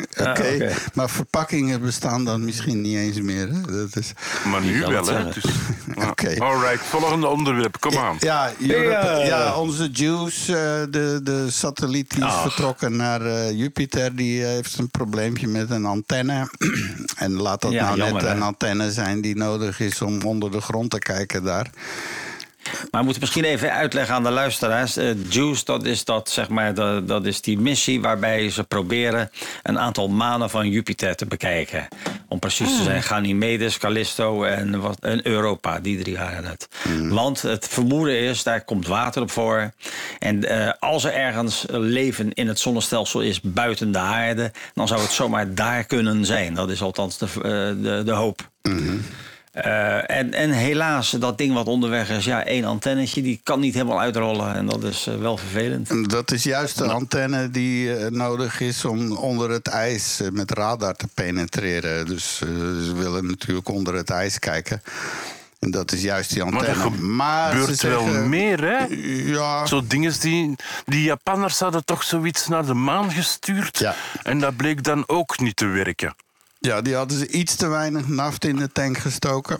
Dus die is Oei. op de laatste paar honderd meter was die door zijn brandstof heen. Ja, en dan flikker je naar beneden gewoon. En zelfs op de maan met een zesde zwaartekracht eh, val je dan wel zachtjes. Maar is voor Ja. zo'n satellietje Dus toch... er is eh, nu die Japanner die die brandstof berekend heeft, die staat nu ergens op een straat in Japan te zeggen: Het was mijn schuld. Het was mijn schuld. Het was mijn schuld. Ja, Zoiets, dat wordt door daar iedereen traditie. beledigd en er wordt er van alles naartoe Ja. gegooid enzovoort. En be- bespogen wordt hij enzovoort. Rijst. Ja, sushi. Ja. Ja, ja, ja. Dus ehm, ja, en dan, eh, ja, ik las ook nog weer een andere ontdekking. Want ze hadden nu weer een eh, zwart gat gevonden wat een ster aan het opvreten was. En, maar het grote nieuws daarvan was eigenlijk eh, omdat er nu al na al die jaren, al die foto's, die Hubbles en ik weet niet allemaal, er zijn miljarden foto's die nog nooit gezien zijn door een mens. Dus ze hebben nu een AI-engine, ja, de Recommender Engine for Intelligent Transient Tracking. Hebben ze, die kan dus door al die foto's heen en die kan dan een eh seintje geven als goed, hier is wel iets bijzonders te zien. En, en, die, en die vindt nu dan regelmatig allerlei dingen. En eh dat wordt dan weer door een mens bekeken, wat is dat enzovoort. Dus hè, en zo liggen er nog, Ja. ik weet niet, miljarden geheimen begraven. Wie zal het zeggen? Het Allerlinks- leuke is van, daarvan. Ja, Ja, het leuke is dat, dat, dat er iedere keer weer iets nieuws ontdekt wordt, eigenlijk. Dus het, het, stopt ook niet. Kosmologie is een, een boeiend eh, stu- eh, studiegebied waar steeds weer nieuwe dingen ontdekt worden. En, steeds worden. en dan worden iedere keer weer aannames gedaan. En iedere keer blijkt er toch weer ietsje anders te zijn. En dat maakt het ook hartstikke leuk, vind ik. Ja, zeker. Het houdt de boel fris. En zeker nu die James Webb, die zet van alles op zijn kop. Ja. Eh, Iedereen is Ja, eh, achterhoofd aan het dat, krabben. Van, eh, Ja, oh, dat klopt niet, dat, eh, dat mag daar niet zijn en zo. Ja. Hey, eh, ik denk Ja. dat we maar het linksbreinige weer eens los moeten gaan laten... en naar het rechtsbreinige gedeelte moeten gaan kijken van deze uitzending. Uw favoriete quiz brengt u gedichterbij. En het is in mei en dichterbij en iedereen is blij in mei. Met een korte ei natuurlijk. En de Chris? Ja, dat klopt. Ja, ik was even aan het hoesten, sorry. Oh, dat is heel goed. Eh, het, is, ja, het is een gedicht van Ralph Waldo Emerson, een man die in Boston geboren was in 1803 in mei. En, en, en, en gestorven is in april in 1882. Maar zwart, eh, het was een Amerikaanse essayist en, en een van de meest invloedrijke denkers van de Verenigde Staten, die met name de individuele... Indi Jezus. jij met je woorden. Individualisme. Indi- ik had het juist individualisme benadrukt. Ook was hij zeer kritisch over slavernij. Zei hij dat wij allemaal schuld daaraan hadden. Een belangrijk onderwerp voor hem was gewild en positief beleefd eenzaam. Solitude tegenover loneliness. Die door de individuele mens vaak in de natuur kan worden gevonden. Ze zijn denken hierover... Wacht. Zijn denken hierover zou ook de Europese filosoof Friedrich Nietzsche hebben beïnvloed. Kijk, dat is, als een dichter al, al een, een, een filosoof kan beïnvloeden, dat vind ik al heel belangrijk. Dus in dit gedicht benadrukt Emerson dat er schoonheid te vinden is in de alledaagse dingen. Zelfs in een bescheiden heg of een eenvoudige tuin. Hij herinnert ons eraan dat we soms gewoon onze ogen moeten openen om de schoonheid te kunnen zien die om ons heen aanwezig is. Is dat niet mooi? En het noemt mij, en het, ja, ik moet mij ook even verontschuldigen voor de strak. Ik heb misschien een beetje te veel gevloekt dan normaal is. Maar normaal ben ik niet zo, maar dat is maar... Nee, ik mag niet zeggen dat dat door Marius... Want die gaat dit begeleiden en hij zou kunnen vals spelen nu, zo valse noten. En dat wil ik ook niet, want het is een heel mooi gedicht eh, over de schoonheid rondom ons. En het noemt mij.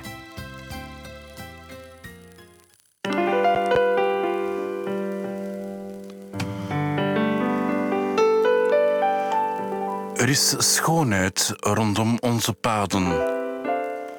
Als maar onze waakzame ogen het kunnen vinden tussen de vertrouwde dingen en door hun eenvoudig uiteindelijk heen kunnen kijken.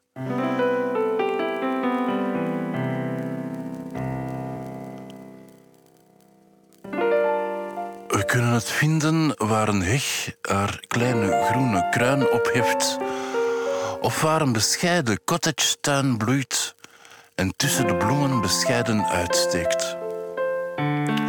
En waar een heldere, kristalheldere beek de kleuren van de hemel weerspiegelt, terwijl het zachtjes over de rotsen valt om de beek te voeden.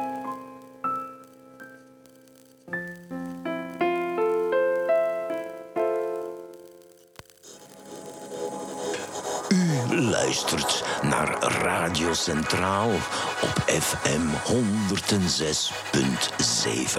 DAB+, en livestream. Zeker, we komen een beetje in het laatste deel. We hebben vandaag één, één onderdeel moeten skippen wegens tijdgebrek. Dat was pek en veren. Maar ik dacht zomaar eens spontaan te vragen aan Deborah, onze gast... of eh, is er iets waar jij met name zo pek en veren... Wat, iets wat jou gigantisch irriteert of... eh, Jeetje, grote vragen in de Dat is een, in, ja, Eh, Dat dat is dan buiten de histologie-quiz gerekend. Dat moet je niet meetellen. Nee, anders. Ja, ik zou zeggen, denk er eens even rustig over na. Want dan, eh, dan kan ik er wel eentje eh, hier naar voren Ja, gooien. geef eens een voorbeeld, Istvan. ja, inderdaad. Eh, nou, bijvoorbeeld die gevangenis die vorige week hier in Brussel een, eh, een Marokkaanse meneer vrijliet. Die, dat was een verkrachter en een zedendelinquent. Die was 65 jaar. En die, die werd gewoon met een naamsverwisseling vrijgelaten. En hij heeft dus drie dagen rond. Ze hebben hem weer, eh, ze hebben hem weer te pakken, zeg maar. Dat is een kleine oeps. eh, hoe kan zoiets? En dan lees je wat de verplichte procedure is. En dat moet met een palmscan en met een iris-scan. En er moeten allerlei vragen gesteld worden en gecheckt worden. Maar dat is allemaal kennelijk niet Wow. gedaan. En, Een aardige oude man. eh, is gewoon, Dus de hier zijn je check spullen deze en keer. Ja. was van, noem jij Mohammed? Ja, ja, ik noem Mohammed. Oh, dat is goed, dan ben je vrij. Ongelooflijk. Mhm. Ja, ik heb eigenlijk geen eh, super ergernissen. Ik ben. ehm, ik vind het wel jammer dat het niet zo mooi Dat- weer is. dat ik ging, ik ging, ik ging, hoe- ja, ik ben, eigenlijk, ik ben eigenlijk een heel blij iemand. Dus ik ben Voilà, vorige kijk, week. Dat wou ik net zeggen. Ah, dank je, Chris. dat is heel fijn. Nee, ik ben op eh, fietsvakantie geweest. Dat wil zeggen, ik heb niet gefietst, want het was te koud. maar het was wel een hele, hele leuke vakantie. Dus met mijn lief in, in Zeeland. En ik heb me eigenlijk eh, nergens aan eh, geërgerd. Of eh, geen Nee, pek, nee. geen en ook pek en niet aan die veren. bommen in jouw straat en zo. En, eh, Nee, daar was ik wel eh, van geschrokken. Maar ja, dat is te, te stom voor woorden eigenlijk. Ja, maar is die buurt daar ook, eh, staat dat bekend? Jij woont in Borgerhout. Hè? ja. En dat is toch, ja, er wordt nu, de, eh, Borger Rocco wordt er vaak geroepen. Dat is, Ja, terwijl eigenlijk waar ik, eh, waar ik woon is eigenlijk een heel gemixt publiek, wat, wat het ook heel leuk maakt. Heel veel jonge gezinnen ook. En het is inderdaad wel eh, vaker geweest, maar ook wel in Antwerpen-Noord dat er eh, explosies waren. Maar deze was inderdaad eh, schuin tegenover. Dat was een enorme knal, ja. Drugs En wat denk je dan als je zoiets hoort? Wat denk je dan? Oh, de plant springt. Even naar de verzekeringkast nee, lopen? ja, nee. Ik dacht, ik dacht wel meteen van, dit is een granaat. Want ik kwam echt Ah, ja. los van mijn bed. Dus eh, het was Zo, half twee s'nachts. En ik, eh, ik was wakker, was ook heel gek. Ik kon dus niet slapen. En mijn, ehm, mijn lief, die eh, was ook wakker. Maar dat kwam eigenlijk omdat ik iets ging kijken. Ik had zoiets van, oh, ik ga nog even iets kijken op mijn laptop. En ja, dat is echt een heel slechte eigenschap, ik weet het. Maar dat doe ik dan. En mijn zoon, die dus een etage later, eh, lager slaapt, die was dus blijkbaar ook wakker. Dus ik weet niet of er van tevoren iets van een geluid of zo is. Dat weet ik dus niet. Maar er was zo'n harde klap. Die, die, ja, die gaat eigenlijk door je heen. Dus ik had wel meteen zoiets van, oei, dit is echt... eh, dat hele- moet geen gewoonte worden of zo. Nee, ik had wel, ik had wel zoiets van, dit is... eh, ja. ja, en dan ga je naar beneden en dan zie je dat zo'n hele, hele deur eruit geblazen is eh, bij de overburen. En bij mij ook mijn raam was... eh, raam naast mijn voordeur was kapot. En er was een... Ze hadden dus blijkbaar een... een- een- Cobra's, dat is dan iets van, van, van vuurwerk blijkbaar. En die, Vuurwerk, die, ja. ja. die binden ze dan Ja, meerdere bij, bij- aan elkaar. En die hadden ze dus in de brievenbus eh, gestoken. en die was dus ontploft. En een scherf van die metalen brievenbus... die was bij mij door mijn voordeur. Dus die was er aan de ene... En ik heb een massieve houten deur. Dus die was niet helemaal tot in de gang, maar de, de punt, dus het was echt een scherf. Wauw. Moet je nagaan als er, als iemand had gelopen, want op een gegeven moment kwamen die mannen in de witte pakken. En die hadden echt zoiets ja, als, als er iemand had, die, dan, ja, dan ben je dood. Zo. Vreselijk. Ja, Wauw, in ieder echt geval, super. eh, Wauw. Dus eh, ja, dat vind ik, dat, dat vond ik wel, eh, dat is inderdaad wel pek en veren, daar wel. Ja. Oké. Ja, want het schijnt te Ja. gaan. ehm, er is een ripdeal geweest en er schijnt een paar honderd kilo kook gestolen geweest te zijn van de ene bende door de andere bende. En eh, dan krijg je dat. En, Ja. dan- helaas, eh, vroeger schoten ze elkaar overhoop of zo, maar dat, maar dat is tegenwoordig niet meer het. eh, Nou, het was ook wel slordig, want degene die ze dus ehm, moesten hebben, die liep dus nog vrij rond en die heeft vroeger daar gewoond, maar die woont daar dus niet meer. Maar dat is wel een zoon van. Hè, dus het is gewoon Ja, wel heel duidelijk van. meer. Ja, precies. Echt van. intimidatie. Ja, ja. Eh, zo. Alright. Vrolijk nieuws. Wow. Wetenschapsnieuws. De laatste inzichten. Nog een paar laatste inzichten in de overgebleven paar minuten. We zullen een eh, snelle eh, keuze moeten maken. Maar Mario, het is, we hadden het al over die mind control parasieten gehad een paar weken geleden. De toxoplasmose. En eh, je hebt er Ja. weer iets over gevonden. Want we hebben nog niet genoeg bio en wetenschap gehad vandaag, denk ik. Oké. nou ja, toxoplasmose, dat is eh, de reden waarom zwangere vrouwen niet de kattenbak zouden moeten schoonmaken. Oh ja. Want eh, het is dus inderdaad zo, het is een parasiet, een protist, een soort een, een eencellig organisme. Eh, en het is een parasiet die gebruik maakt van diverse vectoren, noemen ze dat dus, van gastheer naar gastheer. Dus, en het be- beïnvloedt ook eh, het brein. Dus als het een muis heeft geïnfecteerd, dan zorgt de parasiet ervoor dat, eh, dat, dat het beestje niet meer bang is voor katten en ze zelfs opzoekt. Waardoor de muis wordt gegeten en de eikapseltjes, eh, de oocyten met een mooi woord, van die, van die plasmodium parasiet, die komt dan in, in de kat terecht. Nou, en daar eh, verandert dat eh, de oocytje, dus dat eitje zou je kunnen zeggen, in een tachyocyt. En dat begint zich als een bezetene te verspreiden over al je organen, althans in die kat. Eh, en, eh, en vervolgens, eh, wat er dan gebeurt, is dat het dan een nieuw stadium ingaat, de, de. Eh, en dan zit het daar voor heel erg lang en slaat het toe op het moment dat dat, dat beest, maar ook als het bij mensen is, als je immuunsysteem zeg maar enigszins verzwakt is, dan wordt de, de bredicit weer een, een, een en dan, dan krijg je weer dat het zich enorm gaat verspreiden. En eh, daar kunnen mensen behoorlijk ziek van worden. En het doet wat. eh, eh, het is niet al te schadelijk. Maar als je zwanger bent, het tast wel bijvoorbeeld het embryo aan. Vandaar dat vrouwen dus inderdaad die kattenbak niet moeten schoonmaken. Want dat is best wel heel naar. Maar ze hebben dus nu twee genen gevonden. Die dus inderdaad die, die wisseling triggeren. Van, van de ene versie van de parasiet naar de andere. Eh, en dat, dat opent weer mogelijkheden om het inderdaad, zeg maar, misschien te kunnen, te kunnen aan te pakken. En het is ook zo eh, dat bepaalde mensen eh, eh, die een, een, een bepaalde genmutatie hebben, ook daar ook inderdaad veel vatbaarder voor zijn dan andere mensen. En dat is nu, dus. Mario, hè, moest ik dat nu krijgen door, door een of andere reden, heb ik dan een maand later in mijn appartement 86 katten zitten of zo.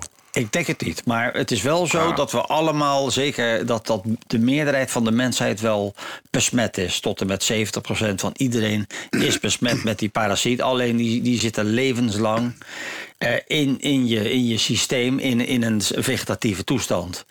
Dus, eh, die- en je hebt dus twee eh, eiwitten, de, zogeheten transcriptiefactoren, die, die kunnen die genen aan- en uitschakelen. En, en die kunnen dus door een verzwakt immuunsysteem dus getriggerd worden om, om inderdaad naar de actieve versie te gaan. En dan zijn we de Sjaak. En de meeste mensen die, die hebben daar niet al te veel last van. Maar er zijn mensen met die genetische afwijking die dus agressie eh, kunnen ontwikkelen of eh, schizofrenie. Eh, en, dat zijn, en dat zijn best wel hele heftige dingen. En, zeker, en zeker voor foetussen. Die zijn, eh, daar kan het, dan krijg je een ziekte die heet toxoplasmose. En dat kan dan de ogen en de hersenen beschadigen en kan zelfs fataal zijn. Wauw. Dus oppassen. Ja. Heel goed. Maar ik hoor al bij twee dingen. Ik hoorde vandaag ook eerder dat als het immuunsysteem verzwakt. Dus eh, daaruit leer ik dan eh, dat we absoluut moeten zorgen dat ons eh, immuunsysteem nooit verzwakt. Ja. Dus wat kan je dan doen? Niet meer, wat is, zijn de schadelijke dingen? Roken, drinken, weet ik veel. Ja, alles wat lekker is, moet je eigenlijk mee stoppen dan. Dus dan ben je heel zaggerijnig, maar je wordt wel heel oud. Oké. Ja, we zijn in het eindrondje, Deborah. Waar kijk je naar uit deze komende week? Vanavond de plannen maken voor de podcast, de promotie, hoe we het gaan eh, aanpakken. En daar krijgen we En dan hulp bij. emmers lijmen en affiches Ja, de straat en, bushokjes, inderdaad. Ja, ik kijk er naar uit. eh, alright. En eh, nog andere dingen, optredens in de maken? Of doe je het nu even rustig aan? Nee, ik ga wel binnenkort met eh Robben met z'n tweeën, de, wij spelen in duo, gaan wij wel eh, vijf nummers opnemen in de studio. En daar kijk ik inderdaad naar uit. Ah, ja, oké. je Nou, dat hoort ervan.